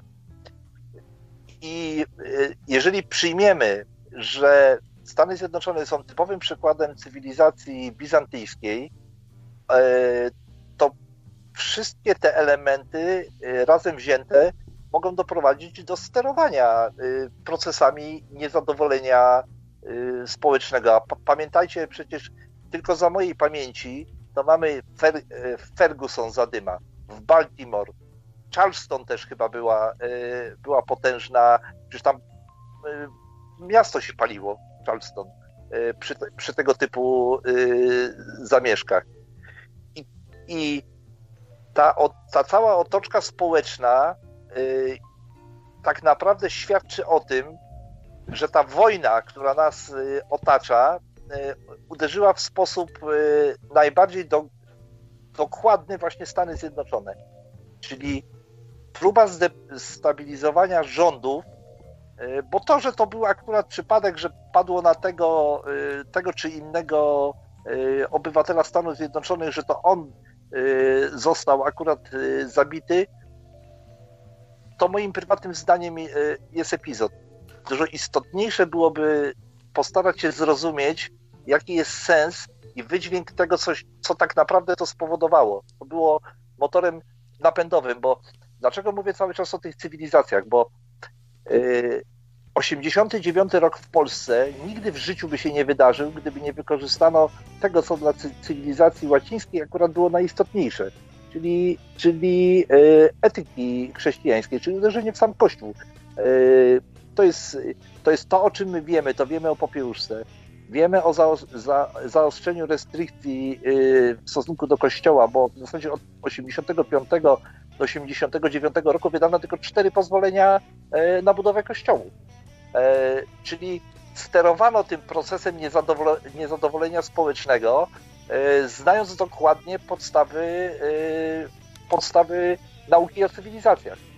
Y, Ale wiesz co, tutaj, tutaj uruchomiłeś mi pewną teorię spiskową, szczerze mówiąc, bo kiedy, kiedy, kiedy się słucha, kiedy się słucha ludzi, którzy mają coś fajnego do powiedzenia, to tak trochę porusza neurony i, e, i że tak powiem, dwa neurony mi się zdarzyły i wyciągnęły mi coś takiego i myślę, że się pod tym względem zgodzimy, że Stany Zjednoczone, które teraz oczywiście przez, e, przez pandemię, przez COVID e, są u progu i są dopiero u progu bardzo dużego kryzysu gospodarczego, więc w pewien sposób prędzej czy później do pewnych zamieszek zamieszek e, by doszło i wówczas e, celem tych zamieszek byłyby, byłby oczywiście rząd, byłby, byłby również, e, byłyby również rządy federalne, byłby również prezydent, więc włodarzom obecnie w Stanach Zjednoczonych na rękę jest wyprodukować pewnego wroga, żeby ludzie mieli się na kogo wkurzać, że im popalili sklepy, że im popalili samochody, że im zniszczyli miasto i tylko dlatego, że człowiek jako jednostka też ma pewien taki swój poziom wściekłości, swój poziom rage'u, który który działa trochę jak boiler, z którego od czasu do czasu musisz spuścić trochę pary, żeby on nie eksplodował. I jest to swego rodzaju narzędzie, żeby ukierunkować właśnie tych e, ludzi, którzy tę gospodarkę tak naprawdę tworzą, tak? I którzy się z tego kryzysu całkiem nieźle odbiją i obecnej, obe, obecnej władzy Stanów Zjednoczonych jest na rękę, żeby do tych zamieszek dochodziło, żeby znaleźć właśnie chłopca do bicia w postaci, e, w postaci czarnoskórych, czy w postaci właśnie tych wszystkich, którzy, e, którzy plądrują, e, plądrują sklepy. Dlaczego? Dlatego, że w momencie, kiedy za miesiąc czy dwa dopadnie ich kolejna fala kryzysu, to już wtedy nie będą mieli aż takiej siły, żeby szukać sobie kolejnego chłopca do bicia, tylko będą sobie szukali czegoś, czegoś bliżej, czegoś, co im podpowiedziano. A ja tylko dodam, że dałem się zrobić trochę w konia, bo jaki roman? Jan Matejko przecież słynny jest, e, którego znacie mm, e, z anteny u Enkiego. No, tak poznałem od razu w sumie po głosie, a kiedy okazało się, że słuchacz ma dużo ciekawych rzeczy do powiedzenia i e, i że mówi długo, to już byłem pewien, że to jest Jan Matejko. No, no tak, więc, tak więc proszę tutaj nie wprowadzać w błąd yy, redaktorków. No, ale nie, ale wiecie, bo, yy, bo tak naprawdę yy, ja, ja, ja znowu się pewno powtórzę, ale, y, ale istotny jest proces, żeby zrozumieć to, to, co tak naprawdę w dniu dzisiejszym, w dniu dzisiejszym się dzieje. To, że Ameryka się pali w tej, w tej chwili, to jest, ja, ja ci powiem, ja, tak, ja się z tobą zgadzam, ten projekt, ten, te, e, te, ta cała sytuacja, z którą mamy do czynienia w dniu dzisiejszym w Ameryce jest projektem e, e, typowo inżynierii społecznej. Jest typowo, został specjalnie wywołany, bo zwróćcie uwagę, że w Stanach Zjednoczonych nie, e, wojska Stanów Zjednoczonych nie mogą interweniować na terenie Stanów Zjednoczonych. Można do e, pomocy e, używać tylko i wyłącznie Gwardię, Gwardię Narodową. Jest tylko i wyłącznie jeden wypadek, kiedy zostanie wprowadzony stan wojenny na terenie Stanów Zjednoczonych. I z dużą dozą prawdopodobieństwa wszystko zmierza w dniu dzisiejszym właśnie w tym kierunku. Bo jeżeli jeżeli zrozumiemy ideę tej nowej chińskiej rewolucji, której wojownikami y, obalającymi y, istniejący system w tych krajach będą społeczeństwa, tak jak to się działo podczas y, rewolucji francuskiej czy rewolucji październikowej, to w sposób naturalny, najprościej było uruchomić ten proces właśnie w Stanach Zjednoczonych, ze względu na te podziały E, podziały rasowe. I to, że kapitały, e, bo w zasadzie to jest tak jak przy rewolucji pa październikowej. Możemy powiedzieć, że była ona dziełem Rosjan, a równie dobrze możemy powiedzieć, że była dziełem Schifa i całego systemu bankowego Stanów Zjednoczonych, e, który stał za, za Schifem właśnie. I oczywiście po 1978 roku, po tym jak doszło do reform Chinach i do transformacji, ten kapitał w większości został przeniesiony do, bądź do Singapuru, bądź bezpośrednio do Chin, e, do Chin e, właściwych. HSBC przecież, największy e, europejski bank od 1978 roku powiększył swoje aktywa w Chinach 15-krotnie. To są, nie, to są po prostu niewyobrażalne kwoty dla nas, tutaj Europejczyków. Chiny nie powstały znikąd. Tam zostały zainwestowane pieniądze, tak jak zostały zainwestowane pieniądze na przykład w rewolucję e, francuską. E, to było ponad 2 e, miliardy liwrów. Kosztowała pomoc Francji dla Stanów Zjednoczonych podczas wojny o niepodległość. To oczywiście doprowadziło do ruiny, do ruiny Francji. I, i, I w zasadzie ten proces się niczym nie różni. On jest dokładnie taki sam. Sytuacja y, y, finansowa i bez mała geopolityczna jest dokładnie taka sama jak w przededniu wybuchu rewolucji, y, rewolucji francuskiej.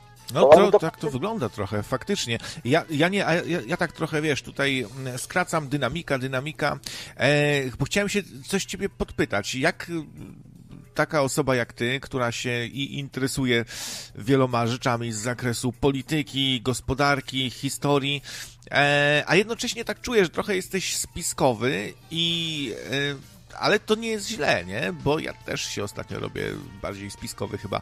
Jak się, z, jak ty widzisz... jak się ustosunkujesz do tych teorii spiskowych, które mówią, że coś wisi w, po, w powietrzu, coś wielkiego, coś się szykuje? E, czy słyszałeś na przykład o lotnisku w Denver? E, to jest takie, nazywa się to lo, lotnisko Illuminati, wiesz, że tam szykują sobie jacyś wpływowi ludzie schrony po prostu, nie? Tak jakby dziwne malunki są tam w ogóle przedstawiające jakby taką ludzkość po przemianie, która się wyzbyła narodowości, e, ekologia, wiesz, takie bardzo jakieś lewicowe też tutaj przesłanie trochę, ale też antywojenne. Nie wiem, tak ogólnie, y, może, może, może zapytam, tam jest też taki dziwny koń, y, statua konia, który wygląda jak jakiś koń jeźdźca apokalipsy, ma czerwone, płonące oczy. No, wszystko to, to tak dziwnie bardzo wygląda. E, a jak ty to y, widzisz? Czy coś wisi faktycznie w powietrzu? Coś się e, szykuje w najbliższym czasie? Jakaś globalna wojna, ucieczka tych bogaczy do schronów, czy jakaś depopulacja, coś takiego? Nie, bo y, y, najpierw o, ty, o tych y, koniach jeźdźców apokalipsy. Konie jeźdźców apoka, apokalipsy miały czerwone oczy. Więc y, jakby odwoływanie się do symboliki y, religijnej y, jest wszechobecna. Jest wszechobecna. A ja naprawdę już przestaję widzieć jakąkolwiek różnicę w sytuacji geopo inaczej, geopo o geopolityce możemy jeszcze sobie tutaj porozmawiać, ale jeżeli chodzi o doprowadzenie do y, gospodarek do ruiny, do y, zbudowania y, konfliktów y, w Stanach rasowych, ale przede wszystkim między cywilizacjami na dzień dzisiejszy jest takie, jak w przededniu wybuchu y, rewolucji. Ja nie mam żadnych wątpliwości, że zmierzamy i to, i to bardzo, bardzo szybko do wewnętrznych konfliktów Y, y, bo Stany Zjednoczone najprawdopodobniej zosta zostały wybrane jako pierwsze w celu stabilizowania sytuacji międzynarodowej. Pamiętajcie, że cały czas w zanadrzu jest jeszcze obietnica rządu chińskiego, że, że Stany Zjednoczone zostaną pozbawione dostępu do metali ziem rzadkich to, był, to była potężna zresztą reakcja Białego Domu była natychmiastowa, bo y, zagrożono y, konsekwencjami y, nawet do przeprowadzenia wojny. I teraz, jeżeli ktoś patrzy na Defender i się zastanawia, po co te wojska tutaj w Polsce są, bo, bo, bo nagle myśmy się stali tacy ważni, dlaczego, dlaczego prawie 30 tysięcy amerykańskich żołnierzy wylądowało nagle w Polsce przy granicy, przy przy granicy z Białorusią, to ja odpowiem jedno. W celu ochrony największych złóż europejskich metali ziem rzadkich w Estonii. W Estonii są największe kopalnie na świecie, nie wiem czy wy wiecie, metali ziem rzadkich. Bez tego, bez dostępu do y, metali ziem rzadkich, w zasadzie Stany Zjednoczone jako potęga y, militarna w przeciągu najbliższych 4-5 lat y, przestanie istnieć bez, bez możliwości, bez odcięcia, bo zobaczcie jeszcze na sytuację w Chinach na dzień dzisiejszy. Chiny się alienują, odłączają się od y, reszty, y, reszty świata na dzień dzisiejszy. Y, nawet kosztem zgromadzonych do tej pory aktywów, oni są w stanie zapobiegać konfliktom socjalnym u siebie, u siebie w kraju. Ale jeżeli zdestabilizują sytuację w Stanach Zjednoczonych, to następnym, najbardziej prawdopodobnym krokiem jest spełnienie tej obietnicy, którą, którą już żeśmy wcześniej usłyszeli, dotyczącą odcięcia yy, Stanów Zjednoczonych i Europy, bo pamiętajmy również o Europie, od yy, metali, metali ziem rzadkich. Nie da się tego uczynić, bo Chińczycy są właścicielem fabryk w Estonii, więc jeżeli, jeżeli będziesz chciał mieć dostęp, to będziesz musiał po prostu te fabryki, te fabryki zdobyć. Rząd estoński, y, chociażby ze względu na sąsiedztwo z Rosją, tutaj geopolityka się kłania, nie jest w stanie przeprowadzić takiej inwazji. Wejście wojsk rosyjskich do Estonii z kolei poskutkowałoby najprawdopodobniej wybuchem wojny domowej w samej Estonii, bo Rosjanie są tam jako główny wróg, tak? Obecni od chwili uzyskania niepodległości. Mogą to zrobić tylko i te zapasy mogą tylko i wyłącznie wyegzekwować na drodze militarnej, a to będzie początek wojny. I, i tego się musimy tak naprawdę bać, bo y, zajęcie, zajęcie, czyli pozbawienie prawa własności Chin, y, a to jest, y, żeby było jeszcze weselej, to jest koncernu państwowego. Wszystkie złoża są własnością. Więc to najprawdopodobniej skutkowałoby już ewidentnie konfliktem zbrojnym na skalę e, ogólnoświatową. I no. teraz, e, i teraz czym bardziej Chinom uda się zdestabilizować sytuację, bo Ameryka jest pierwsza, zaraz pójdą, zobaczcie co, co robią, jak się uaktywniają co niektóre środowiska, chociażby w Polsce. Zresztą to nie dotyczy tylko i wyłącznie Polski, bo to samo się dzieje w pozostałej części Europy jest e, totalny trend w tej chwili na destabilizację e, sytuacji, e, sytuacji w zasadzie w całej Unii Europejskiej. I, I, to już nie jest żadna teoria spiskowa, to jest po prostu spisek i on jest widoczny gołym okiem, a analogia do tego, co się działo wcześniej podczas poprzednich rewolucji jest dokładnie, dokładnie taka sama. Zwróćcie uwagę, że nagle E, że nagle e, znikła ochrona, jeżeli chodzi o e, te latające nad nami samoloty przecież. To jest następna nie teoria spiskowa, tylko to jest ktoś zwinął, zwinął nad nami termos, dzięki któremu mieliśmy dużo wyższe temperatury. Zresztą, zresztą widać teraz, tak, że wszystko powróciło do, do normy, tak jak było wcześniej. Licząc... Oj, uruchamiasz moją kartę pułapkę. Po, bierz go potrzeba. Bierz, bierz, no, no, no, ale, ale to już jest, to, to, to te wszystkie czynniki razem wzięte y, świadczą tylko i wyłącznie o tym, że ten konflikt, y, o który, który wybuchł w 2016 roku, kiedy było wiadomo, że Chińczycy y, zamarkowali kryzys gospodarczy u siebie, bo, bo przychodziły wyniki makro, makroekonomiczne z Europy, z pozostałych części świata i było wiadomo, że wartość produkcji w Chinach generalnie rzecz biorąc w 2015 roku wcale nie spadła, a, a była na poziomie wzrostu gospodarczego około 6-7%. E, I, e, I wtedy było, i wtedy już stało się jasne, że Chiny dążą po prostu do konfliktu, e, do konfliktu i do przejęcia kontroli tak naprawdę nad całym światem. Ja Janek, tego nie mam za, żadnej wątpliwości. Za dużo wiesz. Za dużo wiesz. Ale wiesz co, znaczy nie. Bo ja ci powiem, skąd się to wszystko bierze. Ja po dziadku odziedziczyłem, w zasadzie po dziadku, tata też. E, dziadka zawsze interesowało, kto był e, właścicielem czego. W związku z powyższym powstał taki brulion, gdzie dziadek sobie zapisywał, kto.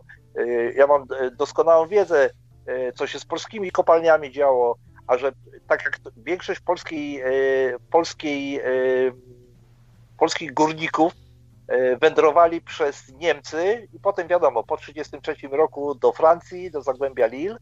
No i dziadek sobie spisywał te wszystkie informacje dotyczące kto był właścicielem, kto kupił, e, e, kiedy co zostało znacjonalizowane, bo wiecie, tak, że, że kopalnie po uzyskaniu przez nas niepodległości zostały znacjonalizowane przecież, tak? Dopiero, dopiero po przewrocie majowym z, z powrotem zostały repre, reprywatyzowane przecież.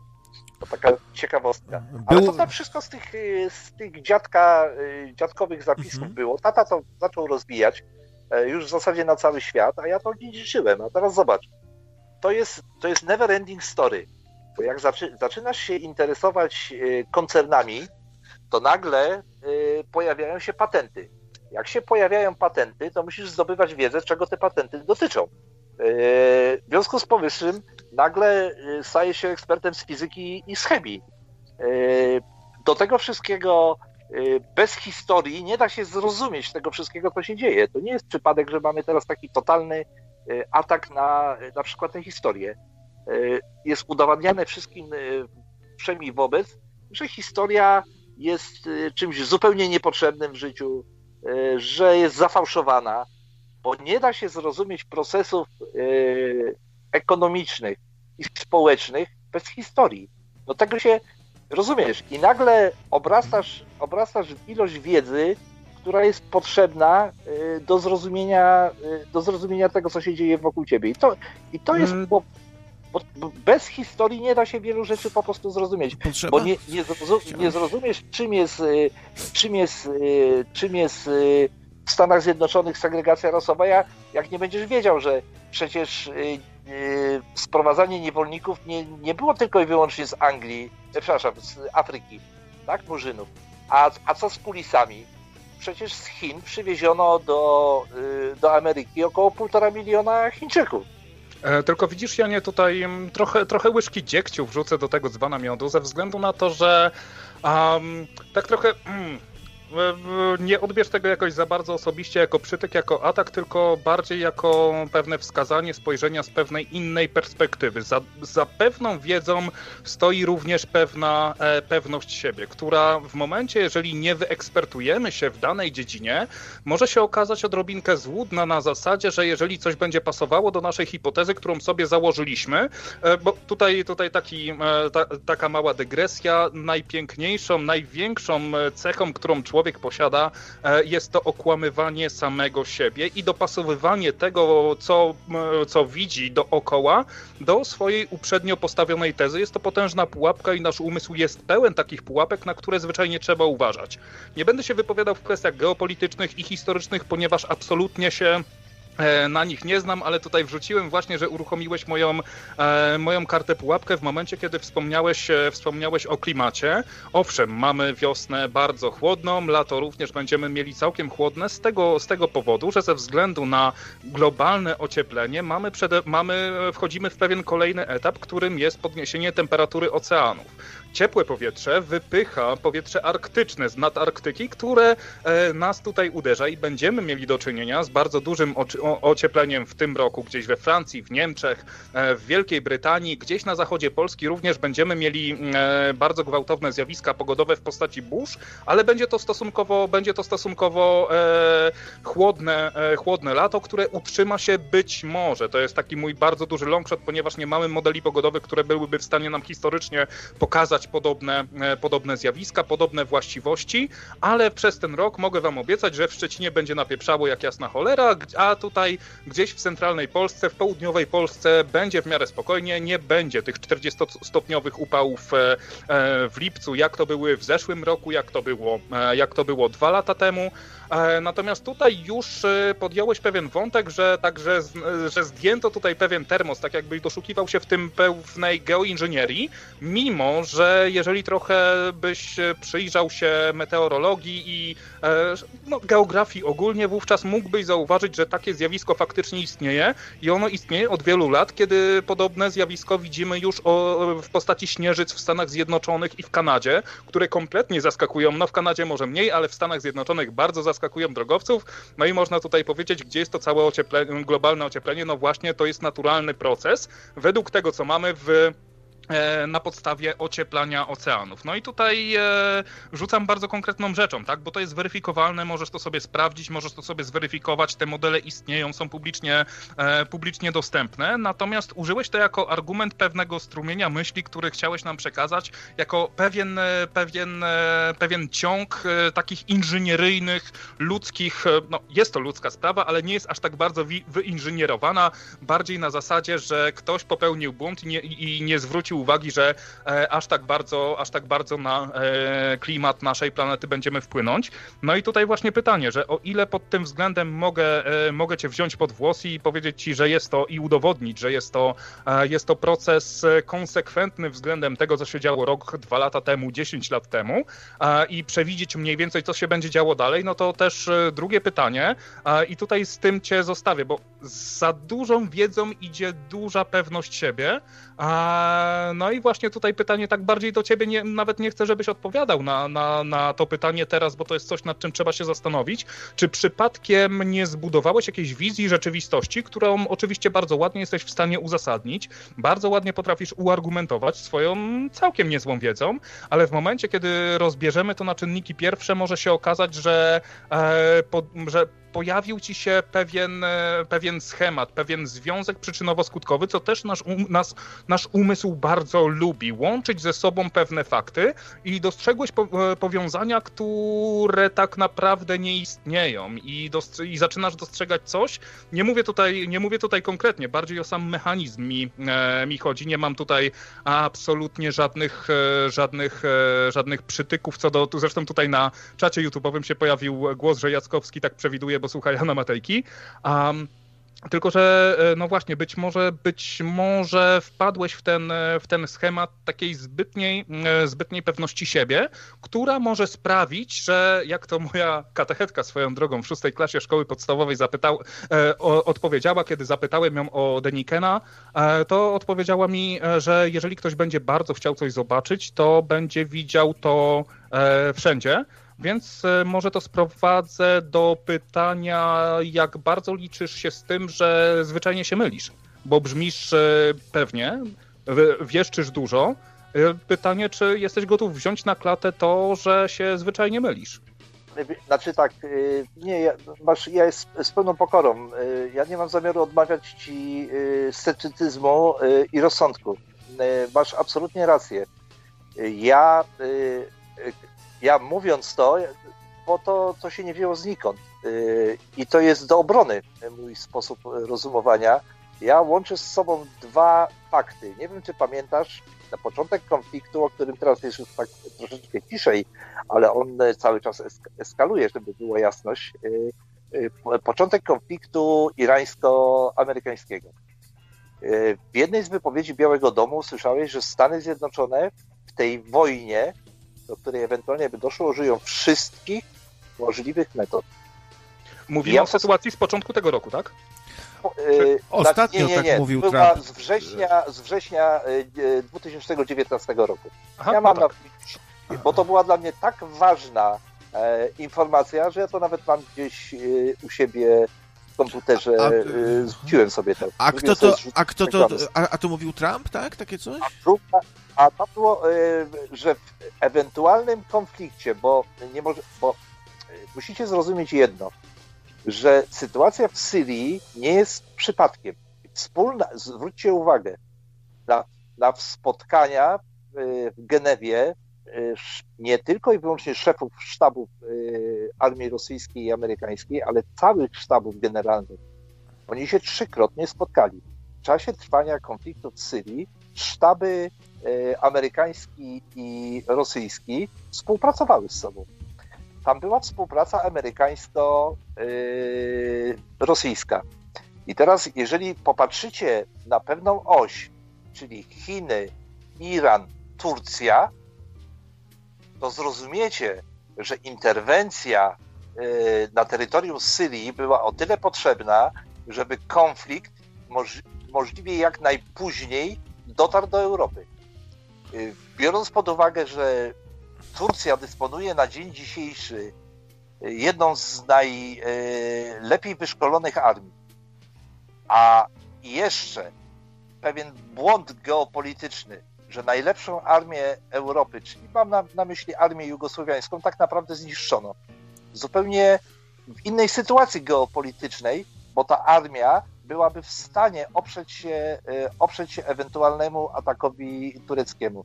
To, że Turcja na dzień dzisiejszy współpracuje z Chinami i z Iranem, jest oczywiste. Nawet, nawet sam e, Putin przecież dał temu wyraz, e, kiedy Erdogana potraktował w Rosji, pokazując, po której stronie tego konfliktu tak naprawdę stoi.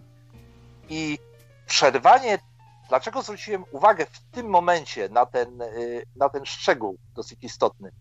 Bo o tym, że y, Rosjanie z Amerykanami współpracują w Syrii, e, to nikt nie miał wątpliwości, chociażby nawet przez takie filmiki w internecie, gdzie konwoje amerykańskie były eskortowane przez, przez żołnierzy rosyjskich i odwrotnie, bo odwrotne sytuacje były również. W zależności kto dysponował na jakim obszarze większymi siłami, to tak sobie, to tak sobie pomagali. Wywołanie konfliktu rosyjsko-tureckiego poprzez przelot tych samolotów zestrzelonych, to też nie był przypadek, bo Rosjanie tam wlecieli. Oni tam wlecieli specjalnie po to, żeby właśnie do tego konfliktu doprowadzić.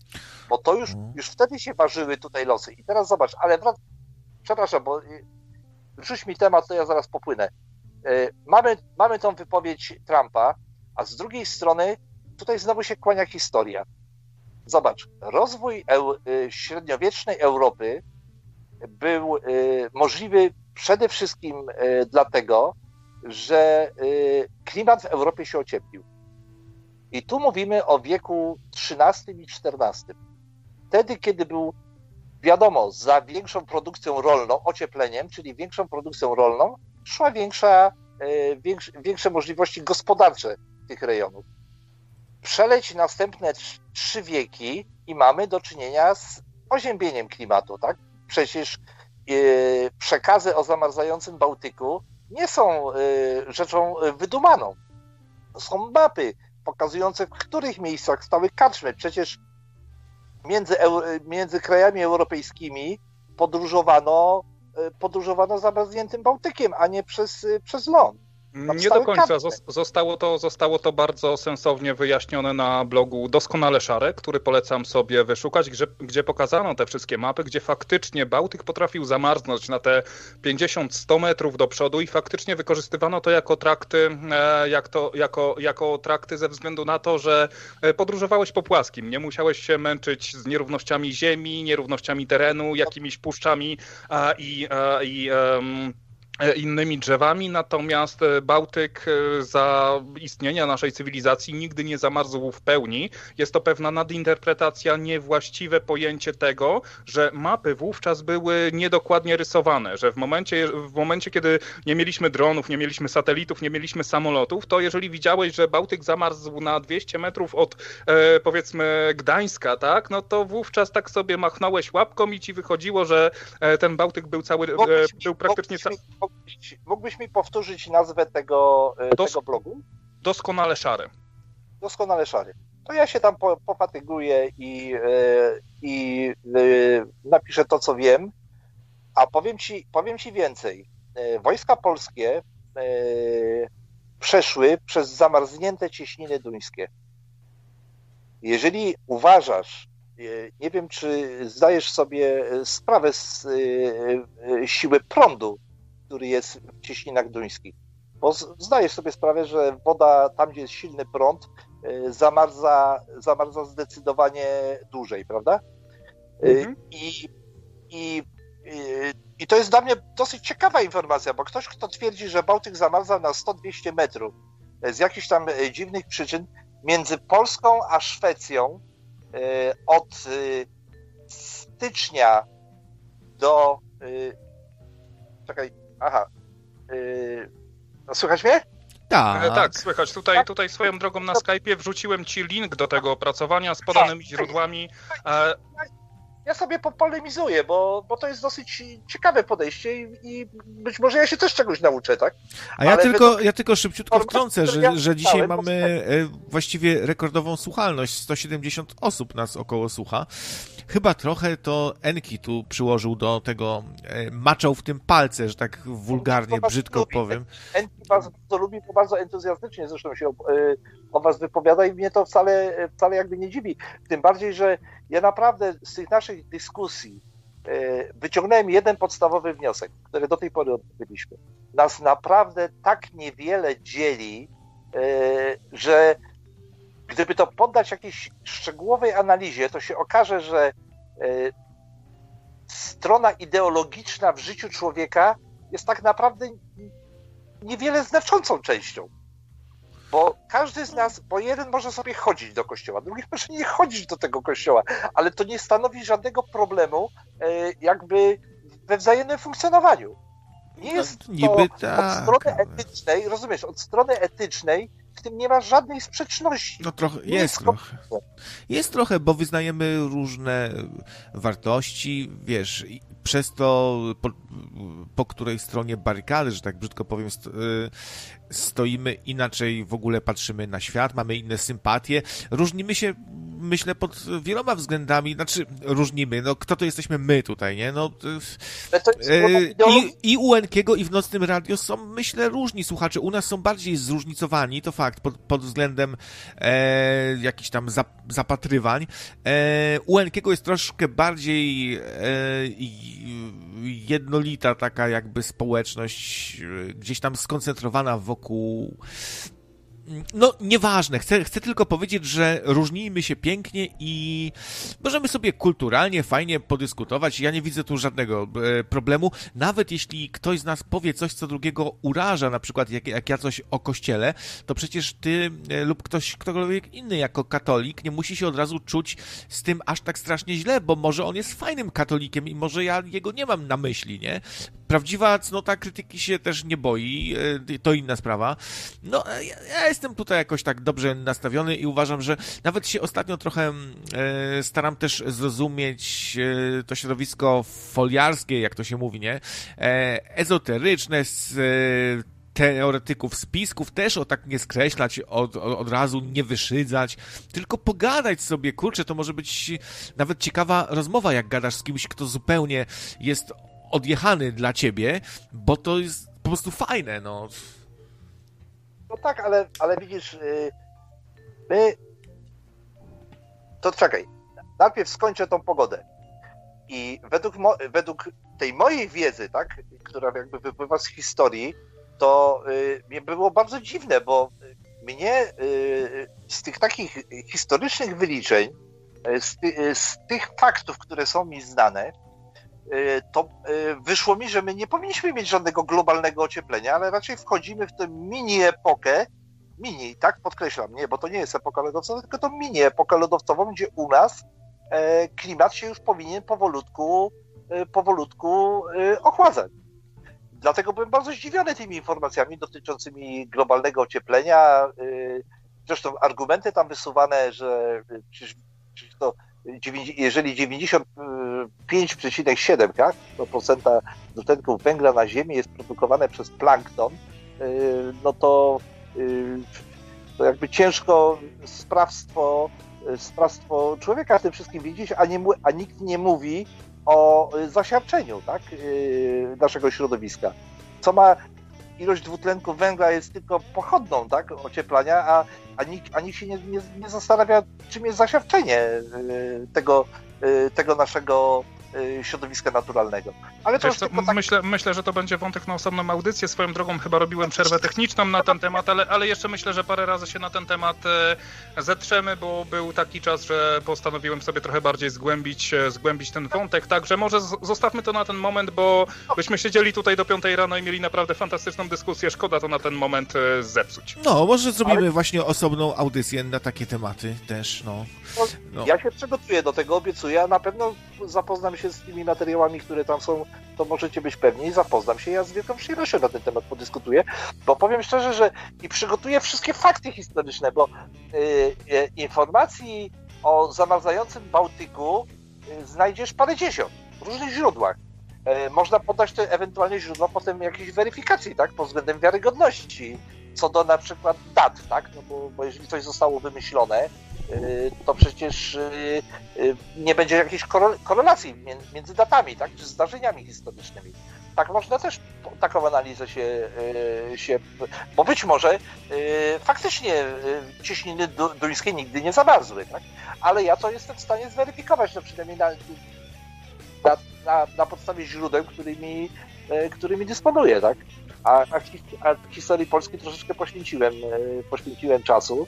Wiem, zresztą nawet w pamiętnikarstwie to się, no zaraz, no spokojnie, przecież, yy, no dobra, ale to ja się przygotuję, nie ma problemu, bo ja już nawet wiem, w których pamiętnikach trzeba szukać informacji o, o podróżach do Szwecji przez zamarznięty Bałtyk. Yy, tak, będzie jeszcze ale... inna okazja, żeby sobie pogawędzić, a my powoli tutaj e, zmierzamy do brzegu, że tak powiem. E, dwunasta wybiła na zegarze.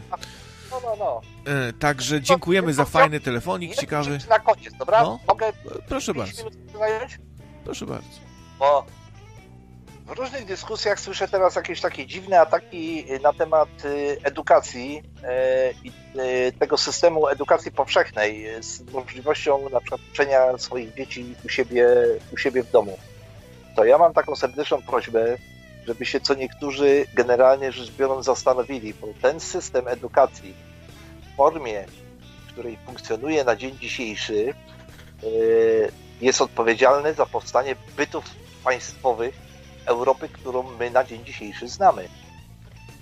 I e, wnoszenie przez różną cywilizację różne aspekty te, tego, e, tego życia społecznego były wprowadzane. W szkołach Bismarcka to był typowy dla e, cywilizacji bizantyjskiej rygoryzm, poszanowanie prawa. Pomijam oczywiście tak te historie związane z nauką pisania, czytania i e, liczenia, tak? E, bo to jest oczywiste. E, różny zakres, zakres, zakres wpływu na świadomość tych młodych ludzi był wprowadzany. Zupełnie inaczej to na przykład wyglądało u nas. Wystarczy popatrzeć, wystarczy popatrzeć na programy po 1945 roku w Polsce na przykład, gdzie ten element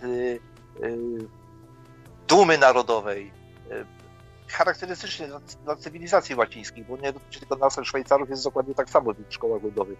Był przede wszystkim podnoszony. Nikogo nie interesuje, nie interesował przecież fakt, że Ordon nie zginął na reducie Ordona, tak jak, jak Mickiewicz to opisał, tylko wyemigrował do Francji i chyba w 1952 roku zmarł e, Paryżu, e, bo, bo to nie miało znaczenia. E, ta ideologia była pronarodowościowa Dzięki temu, dzięki taki, takiemu systemowi edukacji, który został stworzony, e, tak naprawdę mamy do czynienia z tymi narodami, które funkcjonują na dzień dzisiejszy w Europie.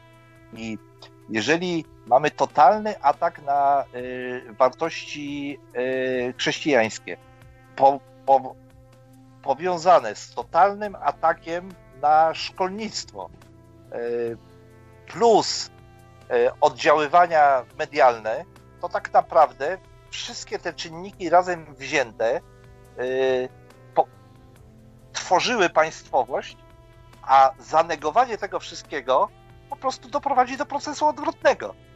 I warto by było się zastanowić, czy przez przypadek znowu nie jest to, yy, ja nie mówię tu o żadnych teoriach spiskowych, yy, czy nie jest to celowe działanie pod tytułem inżynieria społeczna. Że ktoś, kto doskonale zna procesy i sposób powstawania zaatakował właśnie te najważniejsze elementy Europy, którą znamy na dzień dzisiejszy.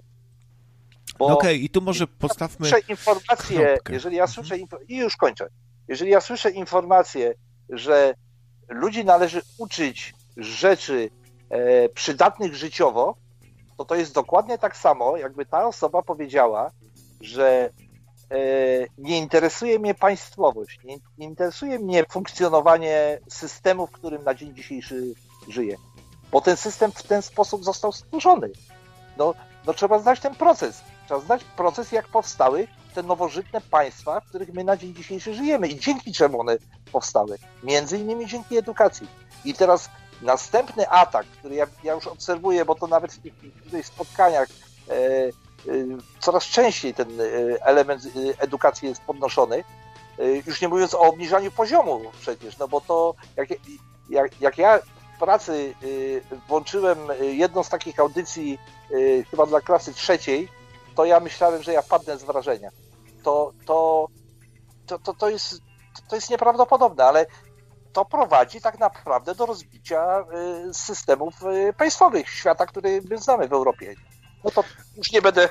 będę... Okej, okay, ale wiesz co, ale, ale akurat tutaj, tutaj, akurat o edukacji też bardzo chętnie bym z tobą kiedyś, e, czy to u nas, czy to u Enkiego, bardzo chętnie, e, bardzo chętnie pogadał, no ale póki co powoli będziemy kończyć, no w sumie nie tak bardzo powoli.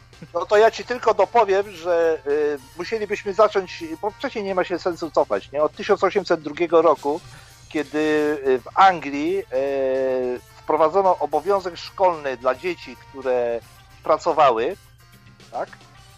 Bo yy, yy, do 12, po 12 godzinach dziecko miało prawo jeszcze do dwóch godzin nauki. Bo, bo dzień pracy dziecka od 8 do 12 roku życia w Anglii na początku XIX roku wynosił 12 lat.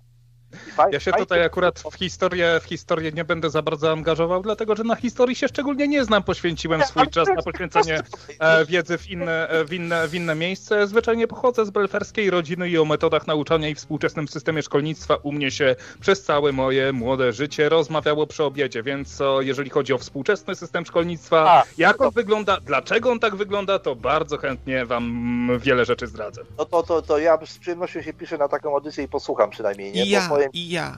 Pany trochę od tego środowiska i, i, i, i, ja e, wiem, jak to było, e, jak to było e, drzewiej przecież, nie? Ale, ale wiesz co? Sorry. I już ostatnia rzecz, na, na samo zakończenie. Ale to króciutko poprosimy. To już ci bardzo krótko powiem. Bo spotkałem się z takim argumentem, któryś tam, gdzieś tam dyskusji, że ludzie generalnie rzecz biorąc robią rzeczy najbardziej dla nich korzystne e, ekonomicznie. I swoim pieniądzem między innymi głosują, e, co jest, e, co jest produktywne. O, jest, takie sformułowanie zostało użyte, produktywne. No to wyobraźcie sobie, że w połowie XIX wieku produkcja dzieci była bardzo produktywna, ponieważ boom demograficzny w Anglii początku XIX, a w zasadzie całego XIX wieku polegał na tym, że e, czym więcej dzieci miałeś, tym większe dochody miała rodzina. To prawda. I tutaj nawet historycznie bar bardziej. Paradoksalny, paradoksalny, paradoksalna sytuacja, gdzie ktoś, i to podkreślam, nie znając historii, nie jest w stanie e, wyciągnąć wniosków z poprawności logicznej swojej wypowiedzi.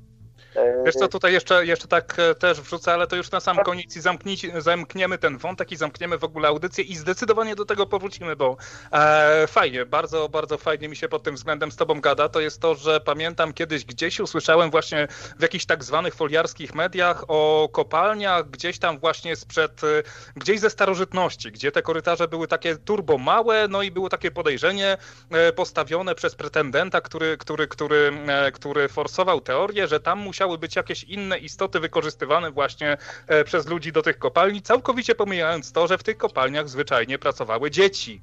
Dokładnie, dokładnie, bo, bo, y, bo zresztą to można prześledzić na, bo to y, jeżeli ktoś myśli, że tylko dorośli pracowali w starożytnym Rzymie, y, albo przecież są nawet na tych tabliczkach tak, sumeryjskich, które, do których mamy dostęp, E, jest przecież e, e, ewidencjonowana również wypłaty dla 5 i 6-letnich dzieci, nie? Dobra, ale postawmy, postawmy tutaj wielką kropkę i skończmy dzisiaj, co? No fajnie, to dzięki serdeczne w takim razie, nie? Dzięki. Trzymaj się, trzymaj się, Janie Matejko. Hej, hej, do następnego razu. A ty krawiec teraz z taśmy jesteś, czy śpisz już? Ja z czystaśmy? No. Nie, już tak jedną nogą w objęciach Morfeusza jestem, już tak głupawo powiem trochę. E, czerwona tabletka. No, e, niektórych e, z was Jan może trochę nużył. Ma wielu fanów oczywiście, ale spróbujcie pogimnastykować sobie głowę, bo, no, bo to co, co mamy ciągle tylko tutaj he, heheszki i, i, i śmichy, chichy. Czasem dobrze trochę wiedzy łyknąć. Ja słuchałem z zaparciem. No i a też temat edukacji domowej myślę się pojawi zdecydowanie. On jest i bardzo ciekawy i bardzo aktualny i można by się zastanowić, czy faktycznie ta edukacja z państwowa, zorganizowana jest yy, tak pod każdym względem lepsza i to, i to chyba niekoniecznie, no bo wszyscy się gdzieś tam obawiamy, że jak ludzie zaczną sami swoje dzieci uczyć, to będą ich, ich uczyli głupot. No trochę tak jak w szkołach, w szkołach wyznaniowych gdzieś tam w, w, w Izraelu, czy gdzieś, że Ziemia ma 6 tysięcy lat, nagle zaczną uczyć, każdy będzie uczył po swojemu, ale czy to, e, e, czy to nie jest e, koniec końców i tak lepsze niż to, co nam funduje ta edukacja systemowa, gdzie też się wiele rzeczy przemilcza.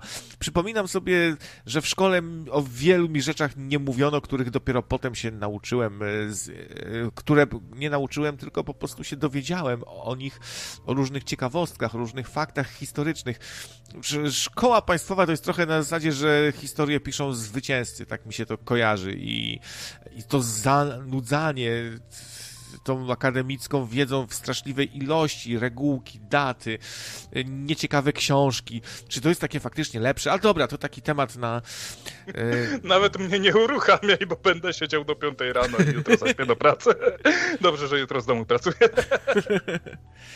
z domu? A, a co, jakaś, jakaś epidemia jest, czy co? Nie wiem. No trochę tak, w sumie jeżeli, jeżeli naprawdę na samym początku trochę się wystraszyłem, to tak, to teraz jest, to teraz znowu sobie stockpiluję jakieś zapasy i teraz faktycznie się cykam, bo wiesz, bo krzywa się nie spłaszcza, obostrzenia są zdjęte, ludzie się bawią, tak jak właśnie wcześniej mówiłem, dzieci w, dzieci w tym, w, no, w przedszkolu muszą trzymać dystans tam 15 metrów kwadratowych, tak, czyli na na takim kwadracie, e, kwadracie 3 na 5 mniej więcej sobie być, a potem sobie idą do kościółka, gdzie będą sobie półtora metra od jakiejś starej kaszlącej babci, więc zrobi się wesoło jak za dwa tygodnie pierdolnie, to się nie pozbieramy.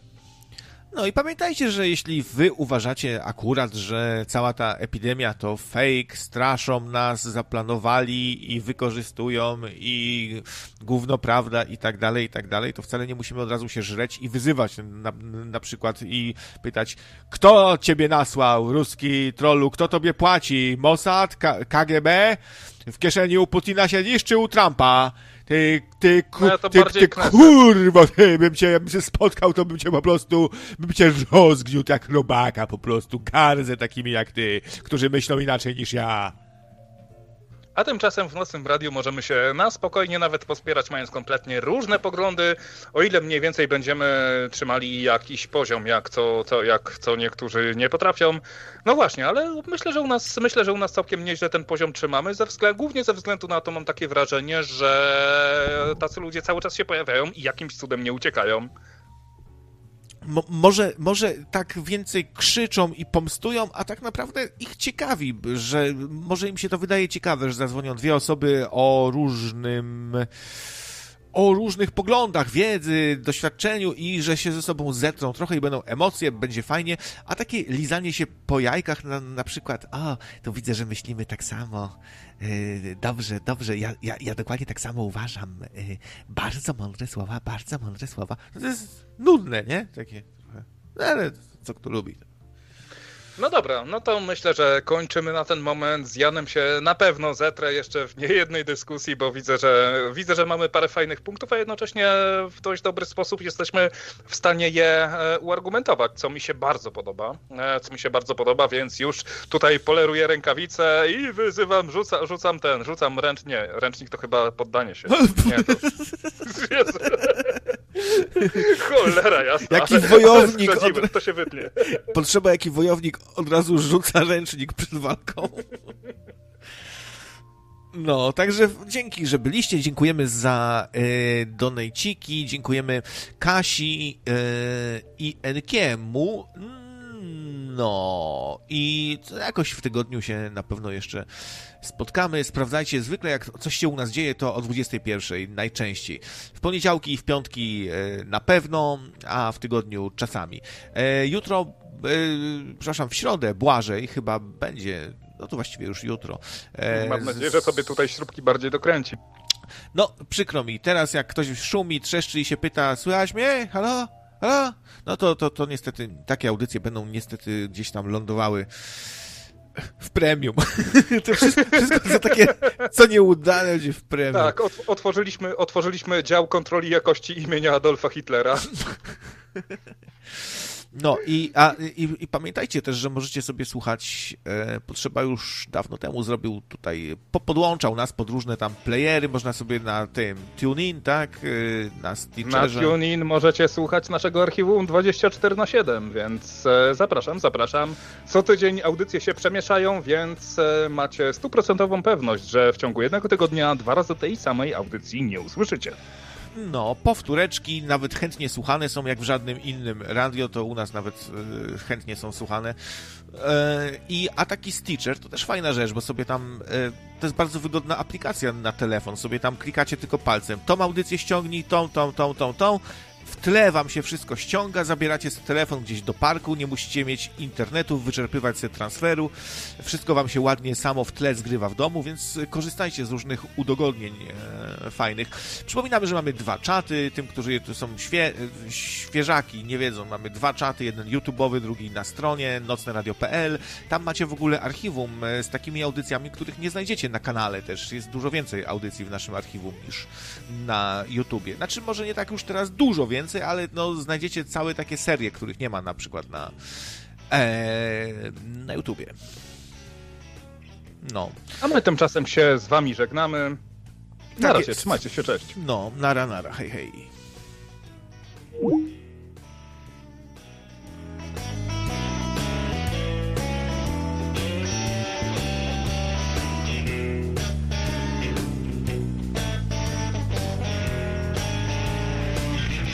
Co, ja, ja chlapnięty? Nie jestem chlap... A, chwalipięty, przepraszam. Myślałem, że mi tu zarzucacie, że chlapnięty. Nie, nie, nie jestem chlapnięty. Taki lekko śpiący dzisiaj był. Wstałem.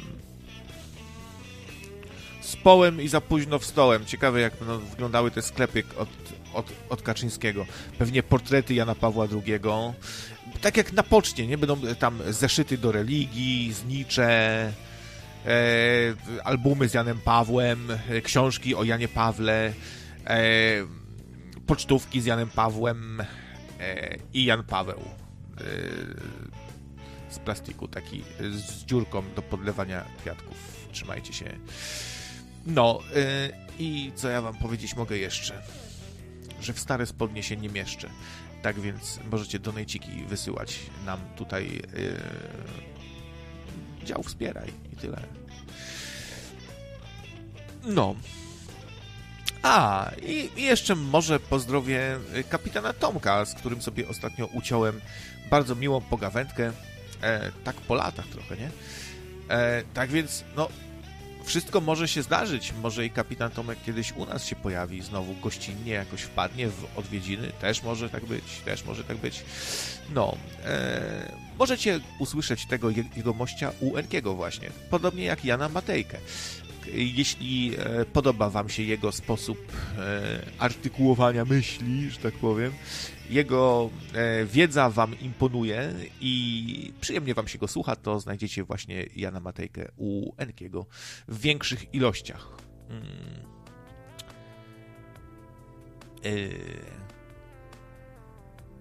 Lucyferów y, słucham, pisze Ewa Lipka, którą przepraszam, trochę byłem nieuprzejmy ostatnio, ale miałem taki nerwowy dzień trochę. W ogóle staram się ostatnio być jakiś taki milszy dla ludzi. Chyba się zmęczyłem, nie wiem czy to wiek, czy co, ale może po prostu zmęczenie jakąś taką wieczną konfrontacją, ocenianiem innych. Ludzie za dużo oceniają chyba w ogóle innych, tak y, zauważcie, strasznie dużo komunikacji polega na ocenianiu innych, nie? Ty jesteś taki, ty sraki, ja uważam, że tobie brakuje tego. No, uważam, że twoja twórczość jest na trójkę z plusem, jak dla mnie. Max tego plusa daje na zachętę. Kurwa, co mnie to... Nie no, czy, czy, czy tak ma wyglądać rozmowa, że wiecznie się oceniamy i e, co to w ogóle takie za ocenianie? Ktoś ma misję, żeby oceniać innych i tak i konfrontacja ciągle. Mnie, mnie, mnie to męczy. Chyba lepiej, żeby faktycznie było miło, po prostu fajnie, przyjemnie. Oczywiście nie może zabraknąć pieprzu, no nie, nie może to danie. Ja na radio patrzę zawsze trochę tak, jak na takie danie, nie? że z różnych składników to jest skomponowane, różni są kucharze i tak dalej. No nie, nie może to być mdłe, oczywiście, no nie może to być papka jakaś mdła, nie? I tak dalej. Eee... Także, także przepraszam wszystkich za, za wszystko i wszystkich za wszystko. Ostatnio przepraszanie jest e, trendy, jest modne, to ja też przepraszam. E, nie wiem za co, ale przeproszę was wszystkich. Przepraszam, przepraszam, że, że, że żyję w ogóle, przepraszam. Za potrzebę, przepraszam. Strasznie się, się dzisiaj zachował w ogóle. To jest w ogóle byle jakie, to jest skandal, to jest, e, to jest, to jest właśnie, tak się nie powinno robić radia, tak? No, żartuję w sumie. E, dzisiaj to bardziej ratował tą audycję, ja jestem śpiący i taki trochę jakiś taki jakiś niewydarzony w ogóle. Aha, jeszcze się do jednej rzeczy szybciutko ustosunkuję na koniec. E, w audycji Teoria Chaosu z ust e, niejakiego, tak, tak ono mnie mówi niejaki krawiec, to niejaki to się mówi jak kogoś nie znamy na przykład, nie? E, ale niech mu będzie, to ja też powiem. Niejaki Michał G powiedział, że no tak tak się wypowiedział, że wynikało z tej wypowiedzi, że to przez między innymi przez nocne radio jest ciągany po sądach czy coś takiego. Oczywiście wierutna bzdura, kolejny farmazon i kolejna próba, nie wiem, zrobienia z siebie męczennika, trochę naszym kosztem, tak jakby i przy okazji przylepienia nam, nam łatki kogoś, kto ciąga innych po sądach. Strasznie nieeleganckie zachowanie i życzyłbym sobie Choć wiem, że to próżne nadzieje, żeby nas nie pomawiać w taki sposób, bo to bardzo jest. To jest nie tyle nieeleganckie, co jest to po prostu totalna hamuwa. Rozpowiadać na czyjś temat nieprawdziwe. Tak, takie po pierwsze nieprawdziwe informacje, a po drugie, no takie, przez które nas co? ludzie mają nas znienawidzić teraz, tak? Ktoś sobie nowy tam słucha, nie, nie jarzy za bardzo bazy, nie wie, kto tu jest kto i, i słyszy, że to strasz, ten zły wilk, to straszny ten nocnik, to, to szambo, te szambo media ciągają biednego yy, głosiciela prawdy po, po sądach, bo on mówi prawdę, a oni są za kłamstwem, tak? I ktoś się nasłucha, nasłucha. Straszne to jest w ogóle. Yy nie była z, na, z naciskiem na potrzebę, tam nie padło nic o potrzebie. Nie, no po prostu to nawet nieważne, co on sobie myślał i co on sobie tam naciskał. Ważne jest, co poszło w eter. Więc mm, straszna hamowa po prostu.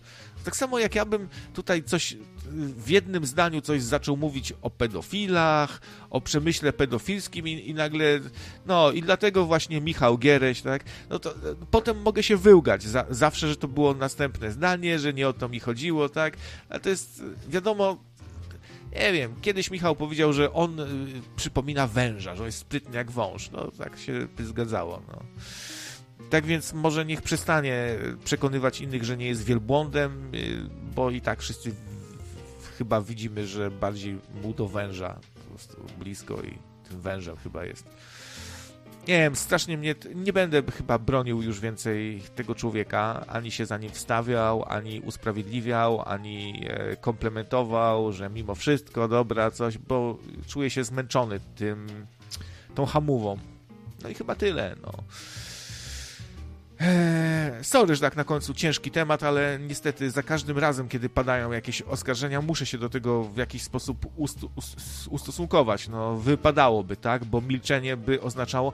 I co? I teraz. Mm, to jest bardzo w ogóle sprytne. Jakbym się teraz na przykład wkurzył i podał faktycznie Michała do sądu, e, to by było, że o, miałem rację, proszę, e, za, znowu by, znowu by zmanipulował totalnie, mówiąc, ja już go znam. On by powiedział wtedy, i co, nie, nie miałem racji, że ciągają mnie po sądach, skoro mnie ciągają, tylko już by nie wspomniał, że było to wynikiem jego e, fałszywych oskarżeń i pomówień e, i kłamstw e, i że to się stało potem, tylko by po prostu tak to wymieszał wszystko, wziął tą glinę, polepił, polepił. No i to jest właśnie sposób perfekcja po prostu manipulacji, nie? Tu coś przytknąć, e, tu dać, tu mrugnąć okiem, tu coś nie dopowiedzieć, tu skłamać, tu 10% prawdy, tu 90% kłamstwa. I to wszystko do kupy i wychodzi po prostu świetny przekaz, z którego wynika, że nocne radio jest najgorsze, że tu źli ludzie, trole wynajęci ze służb, którzy ciągają niewinnych ludzi po sądach. No dobra, no, są tacy, którzy też w to wierzą, bo się nasłuchali chyba, nie wiem, pewnej audycji o spiskach i rzeczach niewyjaśnionych. E, no, nie chcę być wulgarny i powiedzieć co komu e, w nery, ale to no mówię, staram się być bardziej kulturalny. No i tyle. Dzięki za słuchanie. E, sprawdzajcie, co tam się dzieje w radyjku. Zwykle o 21 coś tu czegoś tu można oczekiwać o, o tej porze. E, w tygodniu też. A w poniedziałki i w piątki też o tej samej godzinie nadajemy na żywo. No i do usłyszenia. Trzymajcie się.